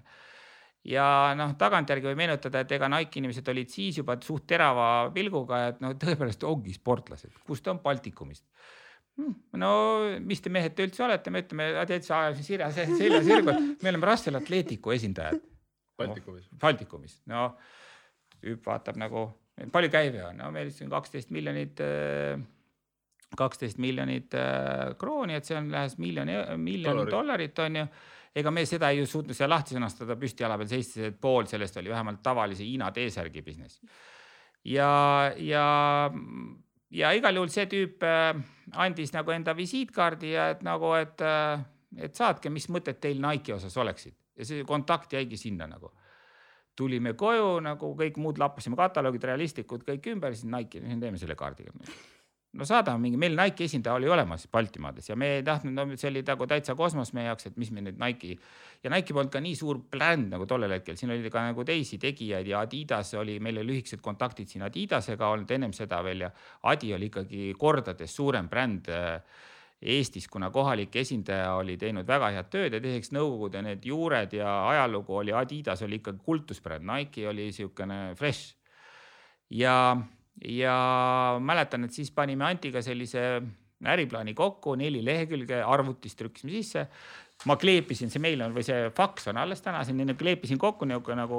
laudlina sellise saatsime läbi faksi niimoodi, no nüüd nüüd saatsime, saatsime. kes kuulab Spotify'st, palun minge Youtube'i.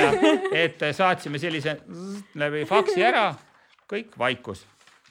et, et me panime selle üksteise taha sellepärast, et nagu, et faksis vaata vanasti läksid üks leht ära, teine sisse ei läinud, onju, siis kleepisime ära, et igal juhul läheks kogu lugu läheks ühe korraga läbi. Et no et ei jääks vahele. ja et no, siis läks just, et noh, ühe hooga läheks. et ei tekiks mingeid wow. katkendeid, sinna saatsime ära,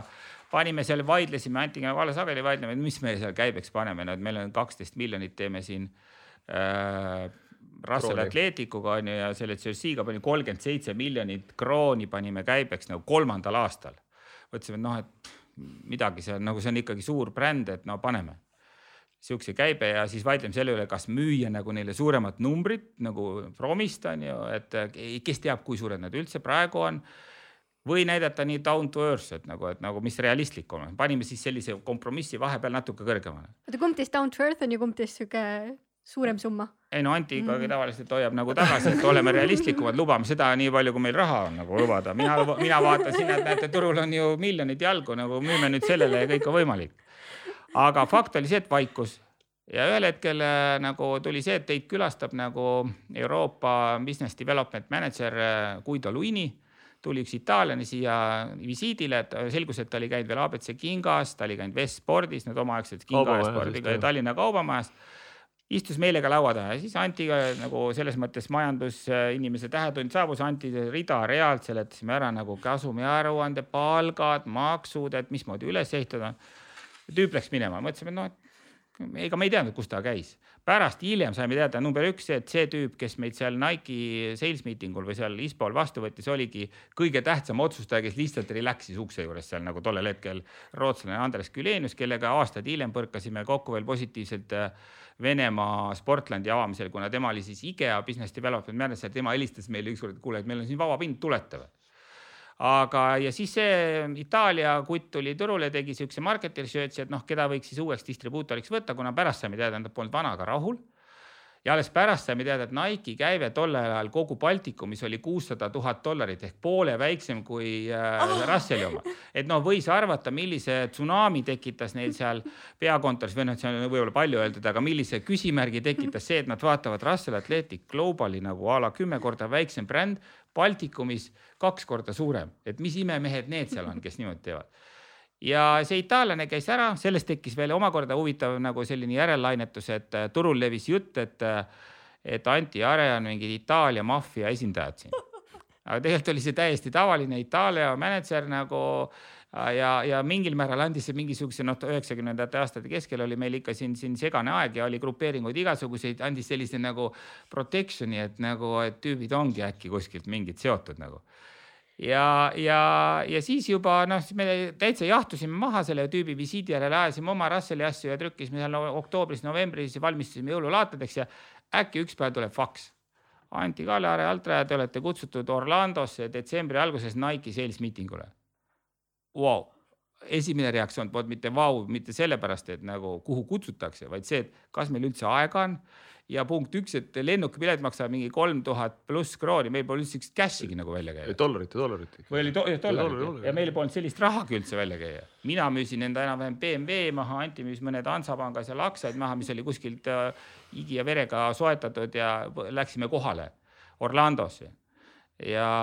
hotell selline pole kunagi olnud sellises hotellis ja esimesel miitingul ka toonane Nike'i distribuutor seal istus kohal ja Anti teadis teda natuke, mina nägin vist isegi esimest korda.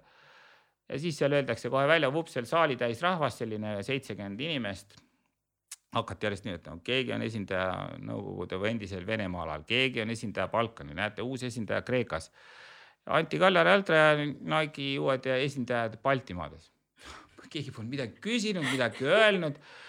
Ja siis me nagu õhtul. asi ei olnud kindel nagu, et me ei, ei olnud üldse kindlad, et see nii läheb. Nagu. ja, ja istun enam-vähem, see oli mingi kaheteistkümnes detsember, minu sünnipäev või midagi taolist, ma istun õhtul seal hotellis selles džakuusis väljas, mõtlen, et kas niimoodi ongi selline taevalik tunne ongi nagu selline, et esimest korda elus enam-vähem kuskil suure hotelli väli džakuusis ja ja, ja sellised announcement'id päev otsa tehtud nagu ja siis miiting seal lõppes sellega, et äh, kuna me olime eluaeg olnud Antiga nagu rõivaäris, äh, jalatsite business'ist ei teadnud mitte midagi ja ammugi nendest Nike'i mudelitest, siis me istusime seal pikad õhtud hotelli nendes showroom ides ja identifitseerisime jalanõusid ainult suurusjärgi, et tundub, et see on naiste oma, sinna hunnikusse nagu, nagu kartuleid sorteerisime niimoodi, et see on meeste oma, läheb sinna ja siis hakkasime hunnikute järgi vaatama, mis üldse müüa võiks nagu et, et selline, selline põnev aeg oli ja, ja nagu seda excitement'it noh, peab ütlema tagantjärgi, et Nike kahekümne viie aastastesse inimestesse süstis selle brändi täpselt niimoodi, nagu seda peab tegema, et see, mis see hind oli ja millised need Excelid kokku jooksid, noh, see läks pärast õudseks punnitamiseks ja punumiseks, et see kokku jookseks, aga see bränd jõudis kõige esimesena kohale läbi selle sales meeting, läbi selle show, läbi nende kuulsuste seal, et see on nagu selline aga jah, miks me sinna üldse jõudsime, selleks ongi vaja kuskilt teele asuda. piltlikult öeldes minul oli vaja Elvast teele asuda üheksakümne kolmandal aastal, et tulla Tallinnasse Estonian Business School'i magistrantuuri. et üheksakümne kuuendal aastal olla seal džakuusis no nii, aga siis jõudsime me sinnamaale, kus sündis Portland, kui lihtsalt või raskelt läks teil nimevalik, sest kui me vaatame Phil Knighti või Steve Jobsi, siis see nimevalik ei ole kunagi lihtsalt ja killastunud. kus sündis Portland, Sportland, kuidas seda hääldama peab? Noh, võib-olla eelloo, sina räägid põhiloo. eellugu lihtsalt äh, natuke oli selline ka, et, et, et tolleks hetkeks äh, olime nagu Nike'iga tegelenud, eks äh,. ja siis meil olid mõned nagu kohtades, kus ei olnud nagu normaalseid distributsiooni setup'e, et kõik hakkas ikkagi väikestest juppidest pihta, et äh, süsteemselt nagu, kus mida teha saab, on ju, ja mismoodi ja nii edasi ja siis Tallinnas olid siin Westport klient, Tallinna Kaubamaa klient, äh, Riias olid need kliendid ja, ja Vilniuses olid need kliendid ja ja, ja nii edasi, eks, ja siis, ja siis meil olid olemas juba tolleks ajaks mõned äh, Nike'i poed. Pärnus oli meil pood, Tartus oli meil pood. ja, ja selles kohtas, kus meil ei olnud kliente, distributsioonivõrku polnud ja siis meil ei olnud kliente nagu ja, ja siis, ja siis ühel hetkel äh, vaatasime, et okei okay,, meil on seal see Nike'i valik on ju ja siis äh, tol hetkel veel olid meil alles veel äh, Russell Athleticu otsad, äh, Lotto kaubamärgi otsad ja siis olid Dunlopi ja Legendary tennisereketid ja, ja siis sulgpallireketid ja, ja see stuff oli Carton. ja siis ja, ja, ja spa ja vist oli Spalding ka siis juba, eks. ja siis ja siis nagu kogu aeg oli õudne häda, et, et meil oli valik oli nii suur, ehk siis tulevad kliendid kohale, ütlevad e, e, e, ma tahan ainult seda, onju. ja siis me mõtlesime kogu aeg, et kuidas nagu, et brändi valik on selline ja me pakume klientidele ainult sihukest väikest osa nagu, et see, see nagu meile kuidagi hinge ei läinud, et aga meie brändi lugu on vot selline ja kliendid tahavad ainult nagu nõndanimetatud cherry picking ut teha, ainult tahavad nagu küpseid õunu saada. Jah, ja ühte ja vä- vähe, väikest valikut on ju. et, et see oli nagu selle, selle natuke nagu eellugu, eks, ja, ja, ja siis meil oli selge tunne, et, et on vaja selgelt ikkagi kogu valikut pakkuda klientidele, las klient otsustab, see ei ole nagu minu otsus, see ei ole meie ostuinimeste otsus, vaid see on klient otsustab. ja et me ja see, see on väga oluline eh,, oluline see nagu detail, et eh, millele ka, millele ka Sportland täna baseerub, et eh, miks me seda teeme, on see, et nagu nende, see on sama motivatsioon sealt kuskilt Rock Summeri aegadest, muuta inimeste elu huvitavamaks, paremaks, emotsionaalsemaks. see ei ole alati mugav või komfortaablim, mis iganes, et see on nagu just ägedamaks läbi selle, mida me teeme ja, ja sellepärast me hakkasime nagu Nike andis lihtsalt uue kõrgema oktaanarvuga kütust juurde kogu sellele ja kogu meie personali töötajaskonna tiimide selline sportlikule attitude'ile, kes oli harjunud müüma ilma logota T-särke nagu non-name'i, ilmus nüüd äkki maailma kõige võimsama logoga T-särk, see nagu selgelt hästi nagu müüs. ja siia oli see just täpselt see disappointment või nagu pettumus tekkis sellest, kui kliendid, meie hulgikliendid nagu siin tänaseks päevakski mõned veel on alles eh, tegutsevad, ei saanud nagu aru sellest, et eh, no palju hind on, palju hulgihind on ja kuhu ma selle nüüd poes välja panen, kõik sinna see ostujuhi nii-öelda mõttelaad nagu saabus, kuna või nagu hääbus, et paljudel nendel edasimüüjatel polnud aimu ja vastust kõige tähtsamale, miks nad on. sest nõukaajast oli lihtsalt, sa tulid nagu distributsioonikanalina, defitsiiti kauplust nagu varustava kanalina olid turul, aga mitte klientidele inspireerivana kanalina turul ja no mina mäletan seda Sportlandi sünniühte ajendit sellest, et pakkusime siin välja erinevatele meie edasimüüjatele, et davai, et paneme prožektoreid nagu põlema, valgustame meie toote ägedamalt välja, paneme telekat, meil on VHS Maki, anname teile ka kaasa, teleka ostame, üüberkallis investeering. paneme rihmadega lakke kinni, sinna paneme in-store selle VHS kasseti sisse, kruttige seda videot vaatas nagu hullu, pank ütles, et teie olete lihtsalt nagu te sunnite kliente nagu investeerima asjadesse, mida pole vaja andke no, kaupa. andke kaupa ette. me räägime kollektsioonidest, väljapanekutest. ja spordi inspireerimis, mingi Nike Dry Fitist räägime, kuidas asi hingab, millest te räägite, kas te olete ärimehed või kes te siin olete nagu? muuseas, ma ei tahtnud kunagi öelda, et ma olen nagu ärimees, sest see on niisugune, ostan odavalt äh, ja müün kallilt, et ma olen nagu kaupmees või ettevõtja, et see on nagu minu arust palju õigem termin nagu. ja, ja, ja siis tekkis täpselt samamoodi nagu natuke teise nurga alt selge, et me peame tegema nagu oma kõigepealt sellise kaubanduskeskkonna, paneme oma brändid müügile ja siis te, sellel hetkel nagu äh, tekkis õnneks turule jällegi nagu huvitav nagu drive ja huvitav mõte, et meil olid mõned poed olemas, see polnud nime, seal oli Nike'i logod üleval ja mõned siis muud brändid. hakkas tekkima kaubanduskeskused, tekkis Port Arturi kaubanduskeskus Pärnusse üheksakümmend seitse seal julgesime võtta oma brändide jaoks üheksakümne seitsme ruutmeetrise ruumi või mida üheksakümmend kuus ruutmeetrit ja kutsuda ühe tuletõrjevahendeid müüva kuti nagu sinna tööle. tänaseni on tööl meil äh, lugupeetud Alvin Kuimet nagu peaostujuht Nike'i toodetele. ja Alvin tõmbas selle poe kohe niimoodi käima, et logo küll ei olnud, aga müük oli nagu laes siis Tallinnas meil oli nagu omavahel, me oleme alati nagu püüdnud, see on nagu natuke selline meie väärtushinnangute küsimus, et kui on turul piirkond, kus keegi juba müüb neid tooteid, siis me ei lähe eelkõige trampima nende varvaste peale, vaid teeme seal nagu turgu, kus jällegi leiutame sealtsamast, vaata, kui ma tund aega tagasi rääkisin sellest, loome uut turgu, loome uue nagu koha, mitte ei lähe kellelgi ära võtma. Ja siis tekkis ka selline situatsioon, et, et tekkis Rocca al Mare kaubanduskeskus ja, ja noh, et äh, meil oli nagu hulgimüük igas suunas nii prioriteet, kõik rahad olid seotud sellega ja nii edasi. ja siis äh, mänguasjade hulgimüüja Rademar, et ta teeks, võtaks nagu statement'i, teeks kuuesaja kuuekümne ruutmeetrise poe. ja et kas me sinna Nike'it anname ka suures mahus ja ägedalt paneme välja ja ma ütlesin muidugi ma ise tegin selle kohta veel äriplaani nagu Excelis, nagu no see siiamaani alles, nagu kõik asjad on alles. ja vennad Juksarid ütlesid, noh davai, teeme ja, ja see oli ka üks näide nagu sellest, et nemad olid valmis tollel hetkel võtma nagu riski ja, ja, ja nagu neil oli ka samasugune nooruslik hasart, nad olid mõlemad ka spordimehed, korvpallimehed, said aru nagu Nike'l ikka tollal hästi palju korvpallibrändi ja jooksubränd, et jalgpall tuli palju hiljem. ja, ja nad said sellest brändist hästi aru ja, ja läkski sealt nagu üks edukalt nagu käima, aga siis polnud veel Sportland ka sündinud, siis oli nagu selline, et üks meie Jõhvi, Narva, Rakvere klient oli meile äh, nagu ostis hästi palju toodet ja siis juhtus midagi ühe omanikuga ja siis nagu see omaniku teine osapool tuli nagu pakkuma, et kuulge, võtke need poed nagu üle siis meil tekkisid poed nagu Narva ja ja vist ka Rakverre ja, ja, ja nagu lihtsalt müügikanalid ilma nagu Logota. logota ja minul oli tolleks ajaks tekkinud siuke tunne, et noh, et juba siukene first sport, sports first, sport star, et kuidagi nagu siukene nimi peaks sellel olema Ing. Inglisekeelsed nimed olid siis hästi moed, kuna moes nagu, kuna nagu see ikkagi maailmas see kuuluvust näitas, et nagu Baltics äh, nii-öelda distribuutor ja kõik see oli hästi teema ja me olime, me olime üheksakümne seitsmendast aastast, kui me Nike'it hakkasime turule tooma, Eesti kõige prestiižsema, kõige lugupeetuma reklaamifirma Kolm Karu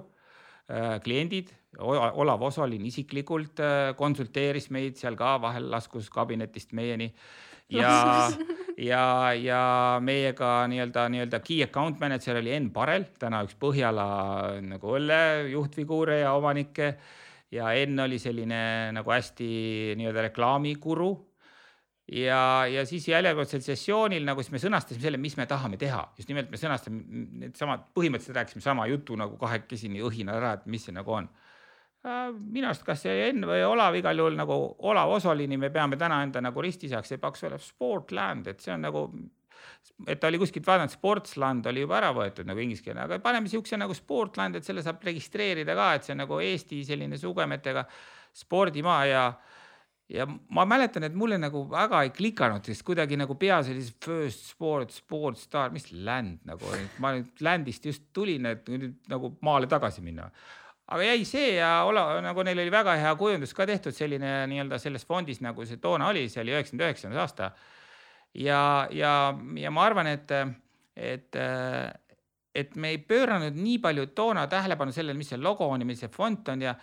Olav seletas küll nagu selles mõttes nagu ära, et äh, värvipsühholoogia ja nii edasi, punane ja nii-öelda jah. brand book ja kõik, aga, aga eesmärk oli ikkagi see sisu. Ja see sisu nagu ägedat seda missiooni kanda, seda, neid reklaame teha, ägedat kaubanduskeskkonda nagu teha, teenindust väga head pakkuda, et see kõik hästi vormistas selle. Ja, ja ma usun nagu siiamaani, et kui noh, ütleme tehniliselt on see nagu raskendatud ja maksab teatud nagu ikkagi loomulikult raha täna, kui keegi võtaks selle brändi ära ja ütleks, et andke ära, tehke nüüd sedasama asja täna edasi. nagu, et siis ma arvan, et küll sünniks see uus bränd, küll sünniks see uus nagu, nagu nii-öelda formatsioon sinna ümber, jah, me kaotaksime mingi osa tarbijaid ja nii edasi. aga see tõestab seda, et see startup elab meis nagu endiselt nagu, et see missioon, see inspiratsioon, see soov tegelikult näidata kõike, mida spordibrändid ja spordiüritused ja sportlased, need emotsioonid maailmale pakuvad. ma ütlen, et nimi ei riku meest, see on küll klassika, vanasõna nagu siia nagu juurde panna. kas see, kaks näidet võib-olla siia täienduseks toon selle, et, et, et selles, miks me seda tegime, oligi sellest osast ka, et, et seda meie tootevalikut kitsendati. ja, ja, ja kui sa ei pakkunud seda laia valikut, mida me arvasime, me tahame müüa, seda raskem oli seda öelda, et mis tegelikult tarbijad tahavad, on ju. ja selle, selle näide on ka sellest kontekstist äh, äh, see attitude'ist või approach'ist on see, et, et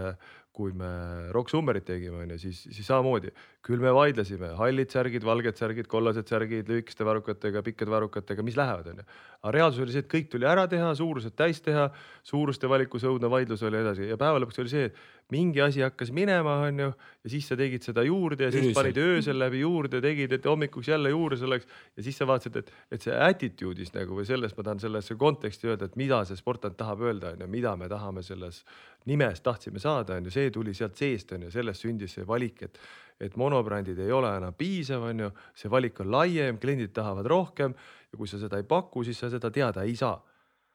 Et see. ja, ja sealt jõuame nagu mõttele. väga tänapäevad, me ei saa väga pikalt ka võib-olla rääkida enam, et aga jõuame nagu tänapäevad number üks, ma usun valikusse, inimesed tahavad valida, kas nad valivad endale autot või elukaaslast või korterit või süüa restoranis, peab olema menüü kui sa tead, et sa lähed nagu ühte kohta, siis sa valid nende restoranide vahel, aga siis ongi nagu see, et Sportland ei ole mitte kunagi olnud nagu kauplus, pood, vaid see on olnud nagu nähtus, see on isegi visioonis sõnastada niimoodi, see on nagu marketplace, kui keegi kogemus. jah, kogemus või nagu ütleme täna moodne nimetus, see, millest business äh, nagu ringkonnad aru saavad, on platvorm. et platvorm, mis seob endas üritusi, fitness klubisid, sportlasi, influencer eid, toodet, ka jaekaubanduskeskkonda, ka veebikeskkonda, millega me ei ole üldse rahul, see veebikeskkond ei ole üldse samaväärne nagu meil täna nagu reaal brick and mortar või nagu tavaline keskkond ja me peame seda kiiresti arendama, aga see on nagu keskkond, see on platvorm ja see ei ole nagu pood, et see see pood on noh, see on umbes sama lugu, et, et äh, nagu ega ju ma olen võrrelnud seda nagu bensiinijaamaga, et see kütus on seal high oktaan nagu Nike'i toode on seal. see pood on nagu bensiinijaam, aga ega nagu bensiinijaamad ei teki ju nagu kütuse nii-öelda müümiseks, vaid selleks, et autot tahad kuhugi sõita eesmärgistatud kuskil tankida mingisugust kütust, et nagu inimesed, kui puudub nõudlus järgi spordi ja liikumise järgi, siis me jõuame nagu sinnani, et kui, kui, kus on täna nagu võib-olla ise tundsite ka seda siin Covidi ajal, kui teatrid, muusikud, teatrid, muuseumid, näitused, restoranid on kinni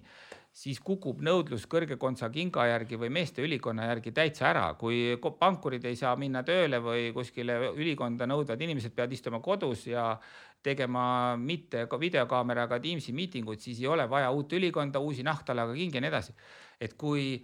kui puuduks nõudlus spordi järgi, no siis, siis ei oleks ka nagu nõudlust äh, Sportlandi ja sporditoodete järgi, selleks, et seda äh, suurendada ongi vaja suurendada nõudlust ja huvi spordi järgi ja sealt jõuame sellise missiooni nagu õilsa pooleni, et me oleme nagu kakskümmend viis pluss aastat on sellises väga meie jaoks südant nagu soojendavas industry's, mis on see, et teha inimeste nagu elu nagu tegelikult ka nagu ägedamaks, sportlikumaks, panna neid liikuma ja nagu tõesti nagu see on nagu olnud nagu selline siiras rõõm olnud nagu tegelikult see see ettevõtluse nagu käibe ja müügipool on tulnud selle järel, et me tegelikult ju turunduses kõiki neid tegevusi, nimetame seda turunduseks, tegelikult spordi populariseerimist, liikumise populariseerimist oleme teinud nagu aastakümneid ja hea näha, et see ongi kasvanud. nii suure ettevõtte juhtimine ei ole kunagi lihtsate killast. Kui teil on raskemad hetked olnud, kuidas te olete vaimselt sellega toime tulnud? sport nii kiire vastus ja mina ütlen täpselt samamoodi, et siin majanduskriisi järel Äh, äh, väga selgelt, ma jooksin enda elu esimese ja viimase maratoni läbi üheksakümne või kahe tuhande kaheteistkümnenda aasta aprillis või mais, mina täpselt mäletagi. et ja alustasin selleks treenimist nagu kahe tuhande kümnendal aastal, poolteist aastat pidin trenni tegema, et ma nagu ikkagi maratoni kõlbulik oleks ja selle läbi jookseks, et äh, kui poleks sellist äh, pingutust olnud äh, balansseerimaks seda teist nagu vaimset pingutust, mis oli majanduskriisiga seoses kaks tuhat kaheksa, üheksa, tegelikult minu jaoks nagu Eestis juba aprilli rahutustest kaks tuhat seitse aprill alates nagu kiskus nagu kiiva ja oli nagu niisugune intro nagu sellele, et mis kõik tulema hakkab. Ma olen nagu kõigile inimestele öelnud seda, et kui me oleme selle kriisi läbi elanud kaks tuhat kaheksa, üheksa, kümme, ütleme käeluu murd selle kõrval on täitsa nohu, aga et see nii-öelda see reaalselt ka nagu hakkas füüsilisele nagu tervisele, ka vaimsele tervisele rääkimata, aga just ka füüsilisele tervisele, siis seda aitas nagu balansseerida ainult sport ja minul lõppeski see tegelikult sellega, et nagu panin spordile nii palju juurde, et lõpuks kaotasin enda põlve ja meniski, et lihtsalt äh, nüüd tagantjärgi ongi sõnastanud seda, et kui on nagu jube suur pinge, siis, äh, siis seda nagu, kui oled noor, võib balansseerida jube suure füüsilise aktiivsusega, aga kui oled juba vanem, siis, äh, siis peab oskama kuidagi nagu vaimselt ise ka nagu ennast miskit pidi muud moodi nagu sättida ja hoiduma nagu sellisest, äh, hoidma nagu ennast rohkem, sest keha ei tule järgi selle spordi balansseerimisega. ma, ma täiendaks seda, et see on nagu selline, armastan nüüd äh, pikki maratone joosta, eks ju, et see on selline ja alati tekib kuskil see nagu nullpunkt või raske punkt on ju. sa pead nagu tegema basic asju nagu edasi, elementaarselt minema edasi. Ja nagu minu meelest paljudes asjades, mida me näinud oleme ka kõrvalt ja väga lähedalt ja põhjaminekuid ja läbikõrbemisi ja inimeste läbipõlemisi ka, et, et kui inimesed annavad nagu järgi, noh, mitte sellepärast, vaid lihtsalt sul moraal kaob ära või sa väsid ära et sa pead ikkagi vaikselt, sa võid koormused allapoole tuua spordikeele mõistes on ju, sa pead nagu edasi minema, tood koormused alla, tasakaalu paika ja siis sa suudad sellest jamast nagu läbi süüa. et vaikselt väiksema võib-olla siis füüsilise koormusega ja, ja vaimne koormus on niikuinii suur ja siis vaikselt pead liikuma ja siis seda vaikselt lahendama neid probleeme, neid ei suuda kindlasti kohe kiiresti äh, nagu ära lõhkuda ühe hooga, vaid neid tuleb süüa tihtipeale väikeste tükkidega nagu.. ja ma tooksin nüüd siia veel juurde kaks väga olulist sellist äh, dimensiooni, esiteks on see, et sellele eelnenud viieteist aasta jooksul me olime endast nagu hästi palju, enda ettevõtetega hästi palju toetanud sporti, andnud seda ka mitte nii-öelda metseenidena, mitte ka reklaami ostnud ostumüüjatena, vaid reaalselt personaalne kontakt nende sportlastega, on see Gerd Kanter nagu olümpiavõitjana või isegi Erki Nool seal kahe tuhandendal aastal, aga nagu sealt vahelt nagu jalgpallid, korvpallid, kergejõustikud, võistlused, hästi palju teinud, loonud MyFitnessid ja, ja väga selgelt on see, et sellisel kriisimomendil sa nagu ootad ja ka saad seda peegeldust tagasi ja see hoiab nagu hästi kõvasti pinnal.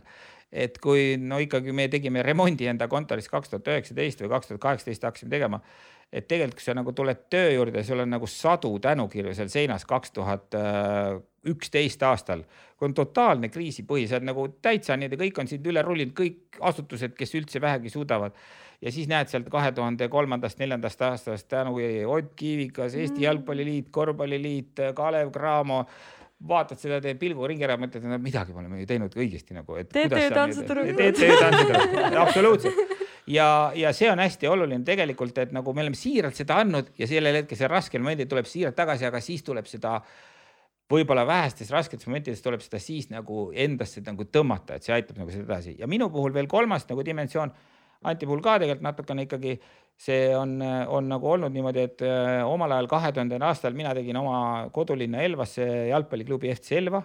kes on siin küll olnud mingites skandaalides nagu praegu, aga see missioon on kindlasti nagu olnud hästi õilis ja on tänapäevani. ja Anti äh, koos sõpradega tegi korvpalliklubi Viimsi, need on Eestis täna ikkagi arvestatavad äh, spordiklubid. Ja vot sellistel rasketel momentidel näed seda kuussada last on trennis ja siukene nagu vau wow,, et me teeme õiget asja, see, et nagu müüki pole, raha ei tule, nagu kuskil on nagu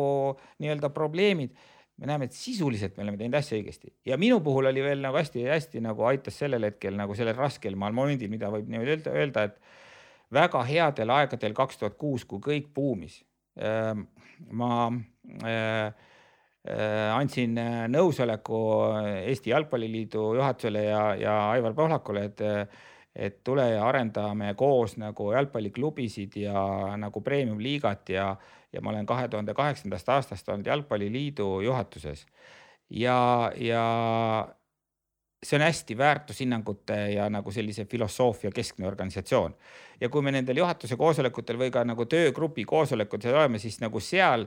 nagu raha on nagu elimineeritud sageli ja me räägime ainult nagu tõeliselt olemusest, klubide juhtidega samamoodi, et miks sa teed seda, kus on see filosoofia, kuidas saada publik sinna, no rahad on tõeliselt nagu piletirahad olematud või nii edasi et, et sellise filosoofilise toe sellele asjale, me teeme õiget asja, andis hästi palju tollel hetkel see kunagi investeeritud, tehtud õige otsus, see aeg sinna sisse tuli ka sealt nagu tagasi, et aitas balansseerida seda, et me teeme õiget asja, sellega peab jätkama ja nagu Anti ütleb, et step by step nagu minna nagu edasi ja, ja mitte nagu katkestada, et nagu ja see selline, mina ütlen alati sihuke tööteraapia aitab palju, et kui nagu täitsa juhe on kokku jooksmas, siis mine lõhu puid või mine korja õunu sügisel ja hakkab palju kergem nagu ja, ja nagu või siis mine tee nagu normaalses tempos sporti, aga minule nagu eriti nagu spordist nagu veel rohkem annab selline füüsiline töö, mine niida muru. sul on tulemus kohe näha, sa oled füüsiliselt väsinud ja esteetika on ka nagu nii-öelda paigas. kohene tulemus. kas see kaks tuhat kaheksa majanduslangus andis teile mingisugused õppetunnid ka, mida te nüüd praegu siin pandeemia ajal rakendasite, sest teadupoolest olid ju meil kõik kaubanduskeskused kinni, mis ei ole jaeettevõttele kõige lihtsam olukord. kui enne, enne korra juttu oli, et, et see noh, see oli see raske aeg on ju, aga, aga meil oli ju, me olime jube targad ju, et meil oli ju kõik riskid olid meil hajutatud Soomes olime kasvanud, Soome on ju stabiilne, kallis turg ja inimesed seal ei juhtu kunagi selliseid majanduskriise kui me kaotame Venemaal, siis see ei tõmba kaasa meie muid ärisi ja, ja asjad on stabiilsed, eks, et kui Venemaa läheb, ei juhtu midagi, see oli siis tol hetkel umbes kakskümmend viis protsenti ärist onju. ja Ukraina oli umbes äh, seitse-kaheksa prossa ja Baltikumis on kindel, selge ja siin me suudame nagu ütleme raha tuua ja, ja siis suudame seda investeerida teistesse turgudesse, aga see, mis juhtus kaks tuhat kaheksa, et see kõikidel kurgudel ühe hetkega kukkus niimoodi põhimõtteliselt kahe nädalaga kukkus ja kõik kokku. Mm. ja siis oli meil keskmine kasv oli olnud siis viimased äh, viis-kuus aastat oli umbes niisugune kolmkümmend protsenti äh, iga kvartal oli käive kasvanud, äh, uued turud me avasime umbes kaheksa poodi kuus niimoodi. Kõikidel turgudel niisugune möll ja mäss käis ja sihuke kauba ostmine käis ja möll ja et see kõik kukub niimoodi kokku, see oli ikkagi väga-väga keeruline, et, et äh, aga ma arvan, sarnased asjad, millest me siin juba rääkinud oleme, mine edasi, lahenda case by case, ära anna alla probleem probleemi järel ja, ja kõike ei suuda ette mõelda, kommunikeeri kõiki partneritega, kellel mis probleemid olid, et kellele võlgu siin, kellele seal, aga see on ikkagi oli väga-väga jube aeg ja seda me ei osanud ette näha, et see kõik võib juhtuda ühel korral kõikides turgudes nagu ja ja kiire vastus sellele, et põhimõtteliselt äh, ainuke viga, mis me iseendale oleme ette heitnud, et, et need ideed, mis tol hetkel olid, et kuidas pääseda, et oli ideid, on ju, siis me hakkasime minema üks, kaks, kolm, neli on ju, ja siis, kui see veel hullemaks, siis teeme veel seda, on ju. et tänases kontekstis äh, oli see, et tegelikult kohe kõike tegema kiiresti, et nagu, et. aga ka turg polnud valmis, kuna me olime ka esimesed, kes läksid rente alla küsima, esimesed, kes tahtsid poodi kinni panna nagu ikkagi noh, väga raske oli nagu tollel hetkel olla esimene, kes tõmbub tagasi, nagu sellest oli nagu kõigil, kõigil oli väga šokeeritud, kui me lähed kaubanduskeskuse juurde ja küsima renti alla, no see nagu oli esimest korda nagu ajaloos, aga, aga lühike vastus sinu küsimusele, et äh, ma arvan, et me ei oleks täna siin, kui polnud oleks neid õppetunde kõiki, et äh, ainuke, millest võib-olla kahju on, on see, et äh, sellest ajast, et oleks sellest kuidagi kiiremini nagu läbi tulnud ja kiiremini võitnud oleks võib-olla täna olnud suuremad. aga jällegi siis saab nagu otsida selles, selles, selles suuruses võib leida nagu sellist kurbust, et nagu, et me võiksime olla, olnud, olnud palju suuremad, kordades suuremad, kui oleks sama tempo ja sama nagu smoothly läbi tulnud sealt nagu sujuvamalt aga, aga võib-olla siis poleks see filosoofia ja see missioon ja asjad nii eredalt nagu äh, esile tõusnud ja oleksime jäänud nagu, oleksime saanud või nagu jäänud selliseks kaupmeesteks, vaata et isegi ärimeesteks, mida, mis, mis on nagu see asja nagu negatiivne, oleks olnud kindlasti negatiivne tulem, aga. see hea, hea võrdlus, mis sa ükskord tõid, oli see, et mis me olime sihuke suur, ilus, roheline puu on ju. Ja siis me pidime nagu aastaga tegema seal kõik oksad niimoodi. algul lõikasime oksad ära niimoodi, siis vaatasime, et nagu võra ikka ilus oleks, nagu lõikasime personalikulud miinus kümme, rendid miinus kümme, vaatasime midagi ei aita puu ikka jätkab kuivamist, siis nüüd lõikasime selliseks kandiliseks juba selline, et nagu nagu enam-vähem. loobusime mõnest turust. ja siis vaatasime ikka midagi aita, siis kõvem mootor saab kätte, kõik suured oksad ka minema, lõpuks oli sellest puust kahe tuhande üheksanda aasta suveks järgi nagu elektripost et ainult mina ja Anti mäletasime, et kuidas neid harusid ja personale ja töölepinguid ja inimeste struktuure on arendatud, et lõpuks on seal post, mille kulud on nagu üle poole võrra alla tõmmatud ja kulud ka ja siis oli nagu rõõm sellest, kui mingi a la kaks tuhat kümme, see oli, tekkis väike leht sinna juurde niimoodi, et vau wow,, et mingi areng on. kui me kaks tuhat üheksa, viiendal mail avasime selle Rocca al Mare uue kontseptsiooni poe, ma arvan, et seda poleks ka olemas olnud, seda üldse sellist Sportlandi tänast nägu ja oleks neid halle vanamoodsaid poode edasi teinud ja ühtegi telekat ja ühtegi suurt fotot poleks ka pannud nagu kuskile. et see on jällegi nagu selline, et tuleb ka nagu selles kriisis alati, on see siis teraapia mõttes või selle edasimineku motivatsiooni, väikeste motivatsioonide leidmiseks tuleb nagu näha neid väikeseid saavutusi ja väikeseid võite ka, et nagu minu jaoks näiteks kahe tuhande üheksandal aastal oli väga suureks näitajaks nagu see, et et meie kümme aastat varem loodud Tallinna sügisjooks oli kolinud nagu kesklinna ja seal osalejate arv jooksuüritustel kuskilt ei vähenenud. või siis selline asi, et kahe tuhande kaheksandal aastal, kui, kui sai tehtud siin komponendiga MyFitness, siis nagu seal nagu jätkas nagu osalejate arv nagu või regi, nagu klubi liikmete arv ainult kasvamist ka suurema kriisi ajal. no mis tegelikult tõendab, tõestas nagu tagantjärgi seda, et et äh, nagu, nagu on öeldud, et spordi ja liikumisarvastuse kasv ja huulepulkade läbimüük näitabki, et tegemist on tõsise kriisiga nagu, et, et kõik tahavad nagu paremat välja näha. aga kiire vastus siis küsimusele on see, et see kogemus, mis sealt tuli, et see läks praegu, kõik läks käiku ja, ja selles mõttes me olime selle võrra nagu kogenumad, et, et selle Covidi esimese lainega Jo. oli, oli, oli, oli, oli, oli šokki ka paljudele inimestele, aga siis sai rahulikult nagu äh, asjad läbi mõeldud ja, ja tegutsetud nagu tegelikult suhteliselt äh, sarnaste sammudega eelnevaste asjadele, mida siis saime teha, mida ja. me saime mõjutada, et, äh, et, et sellest äh, eelmisest kriisist tänasesse tuues oli ikkagi, oli, oli, oli palju lihtsam, kordades lihtsam. loodame, et kolmandat ei tule ei, no ei tule. kõik loodame seda, aga jah, et mis puudutab, kui sa sealt džinni korraks pudelist välja lasid, et, et mis puudutab seda Covidi lainet, et siis meie äh, selline alateadlik ja, ja teadlik võib-olla esimene reaktsioon sellest, millest saime kõvasti ka nahutada äh, nagu meedia poolt ja nii edasi, et miks me sellise kampaania teeme ja nii edasi. Et noh, kindlasti oli nagu soov ju selles situatsioonis, kui inimesed tahavad rohkem liikuda, pakkuda neile seda toodet odavamalt, see, et see sattus kuidagi niimoodi nagu kokku eh, sellega, et keskusi hakatakse kinni panema, see oli nagu üks selline kurioosum, aga, aga tegelikult see eesmärk, mida me olime nagu võib-olla see oligi selline äh, ajend, me mäletame seda, et tollel, tolles kriisis keegi teine sulle nagu appi ei tule. Ja siin nagu selgus nüüd nagu tagantjärgi poolteist aastat tagasi me oleme targemad, et riik ja Euroopa Liit ja kõik ongi appi tulnud, no et see töötu äh, need äh, nagu palgatoetused, renditoetused, see on meie nagu karjääris täiesti mingi enneolematut, seda pole mitte kunagi varem olnud. meie kogemus oli see, et mitte keegi appi ei tule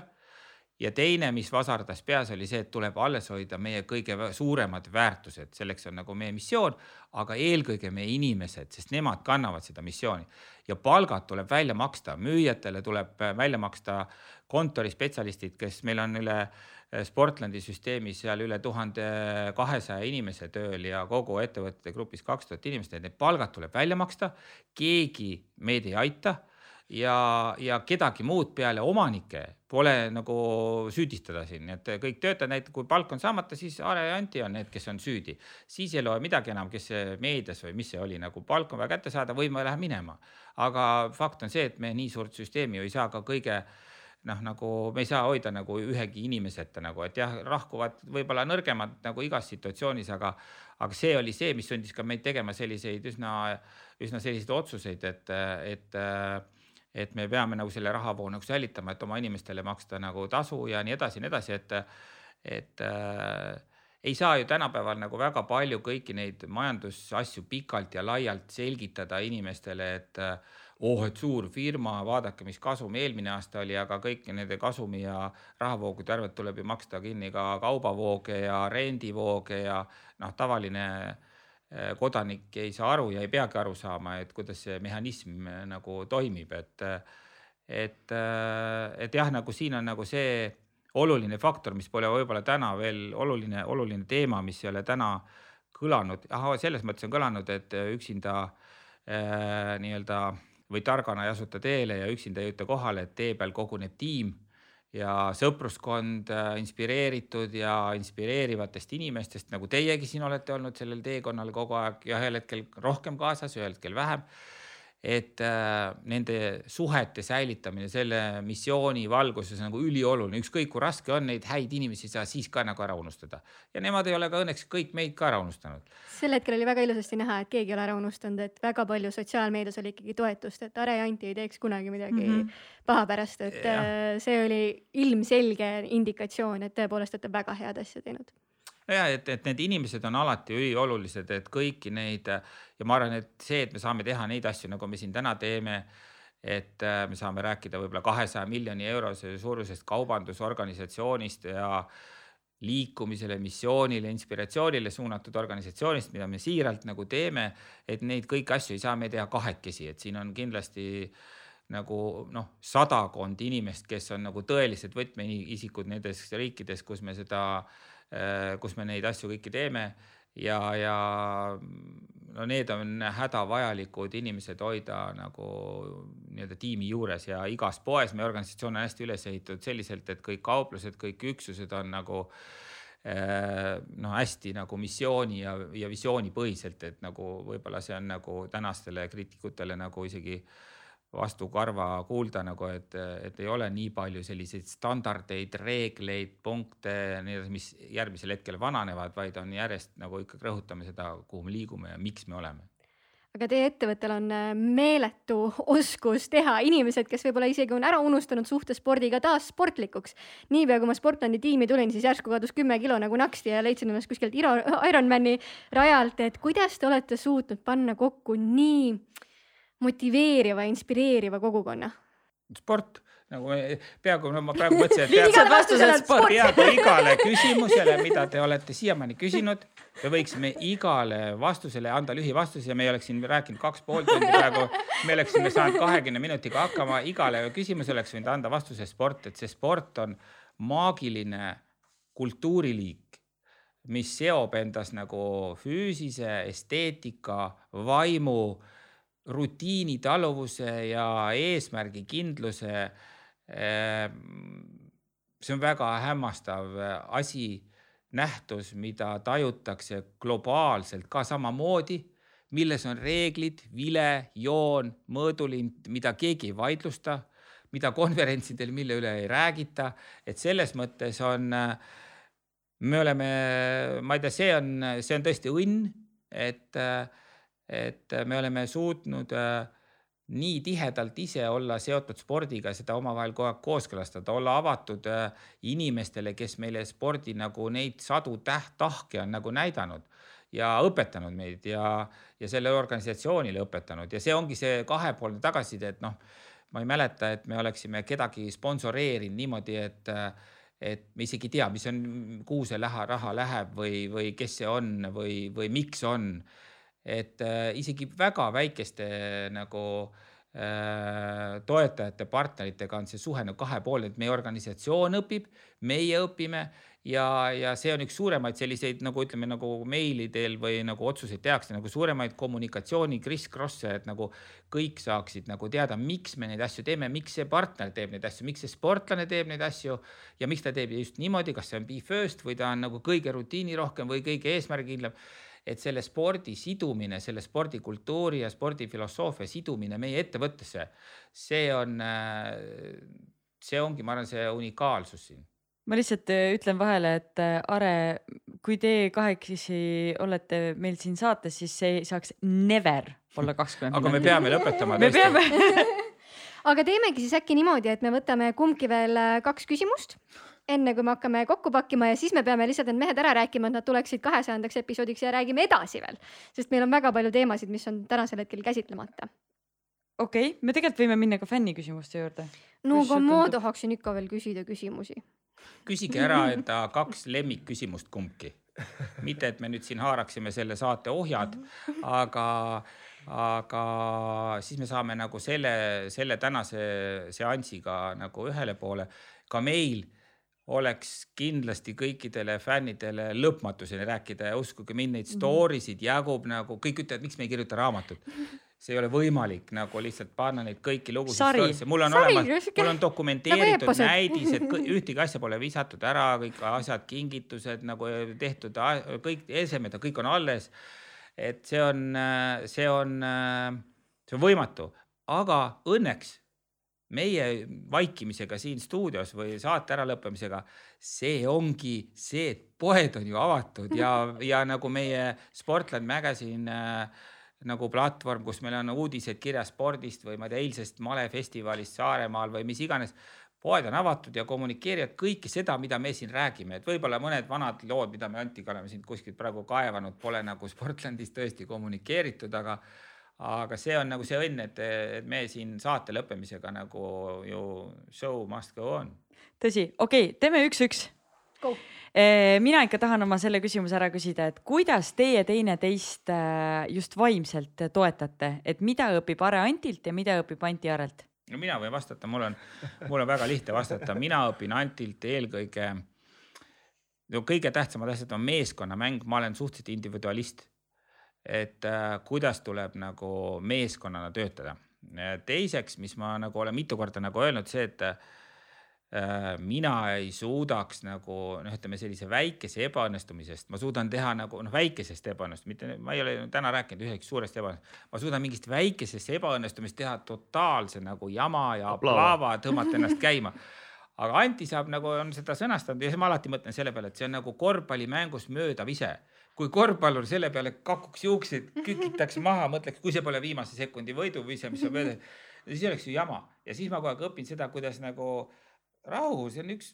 see on osa nagu mängust, võib-olla isegi osa show'st nagu, et see, see ei ole midagi, see on see, mis mul nagu vaimu jääb tasakaalus ja, ja kindlasti on äh, nagu ma arvan, et ma olen mitu korda seda öelnud, et, et Anti on kindlasti Eesti kõige parem mänedžer nagu, et ta nagu lihtsalt nagu ma äh,,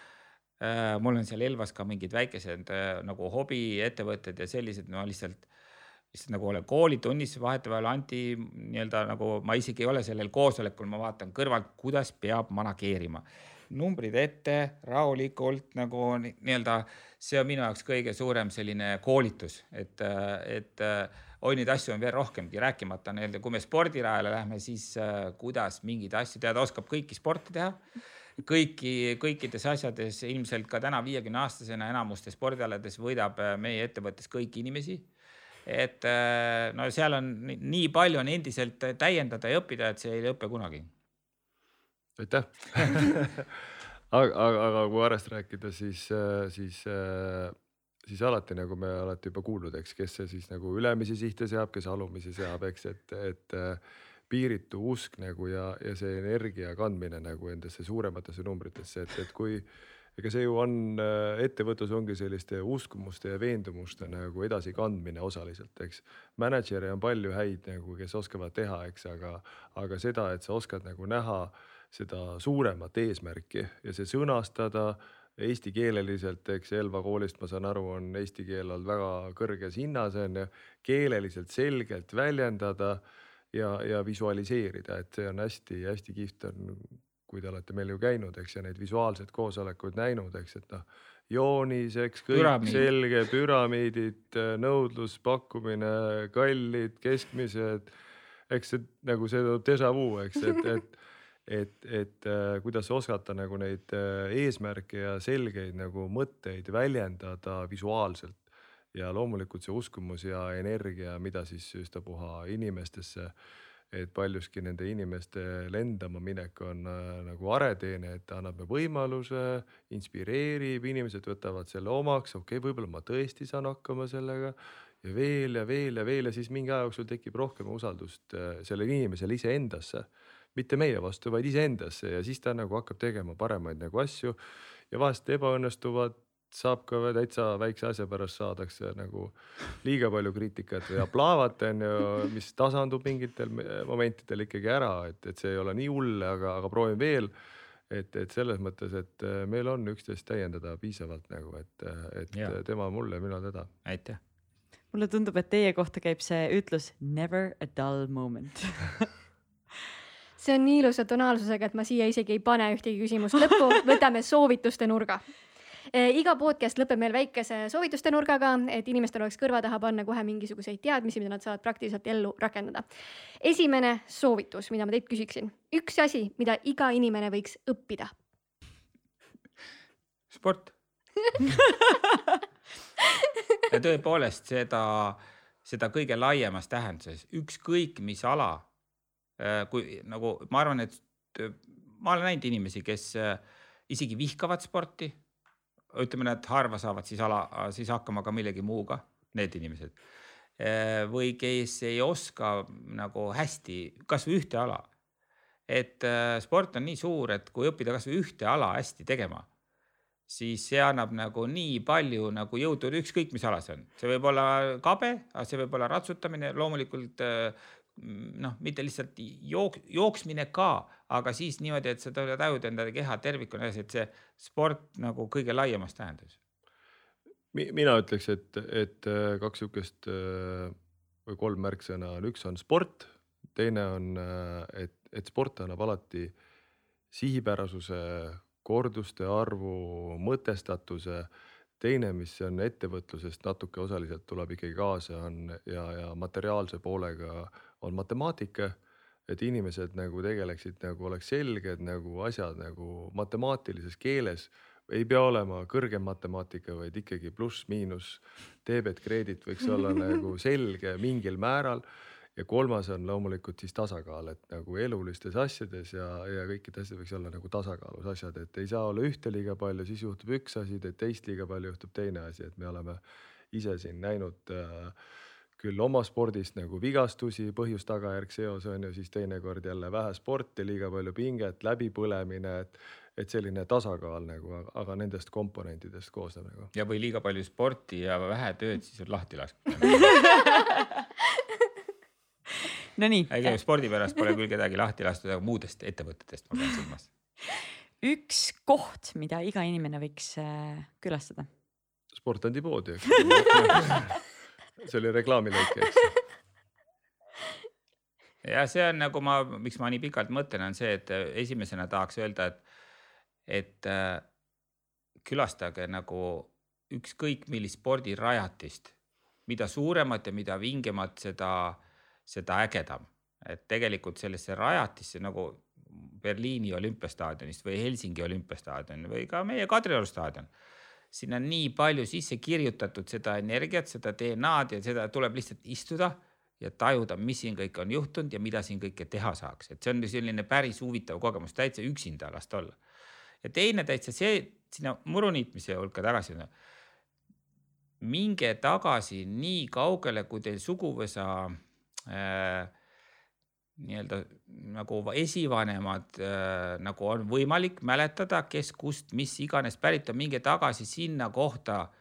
kust te üldse olete tulnud. ja mingi tajuge, mis tunne on. et äh, on see talu või seal ei pruugi, see võib olla kõrge mets täna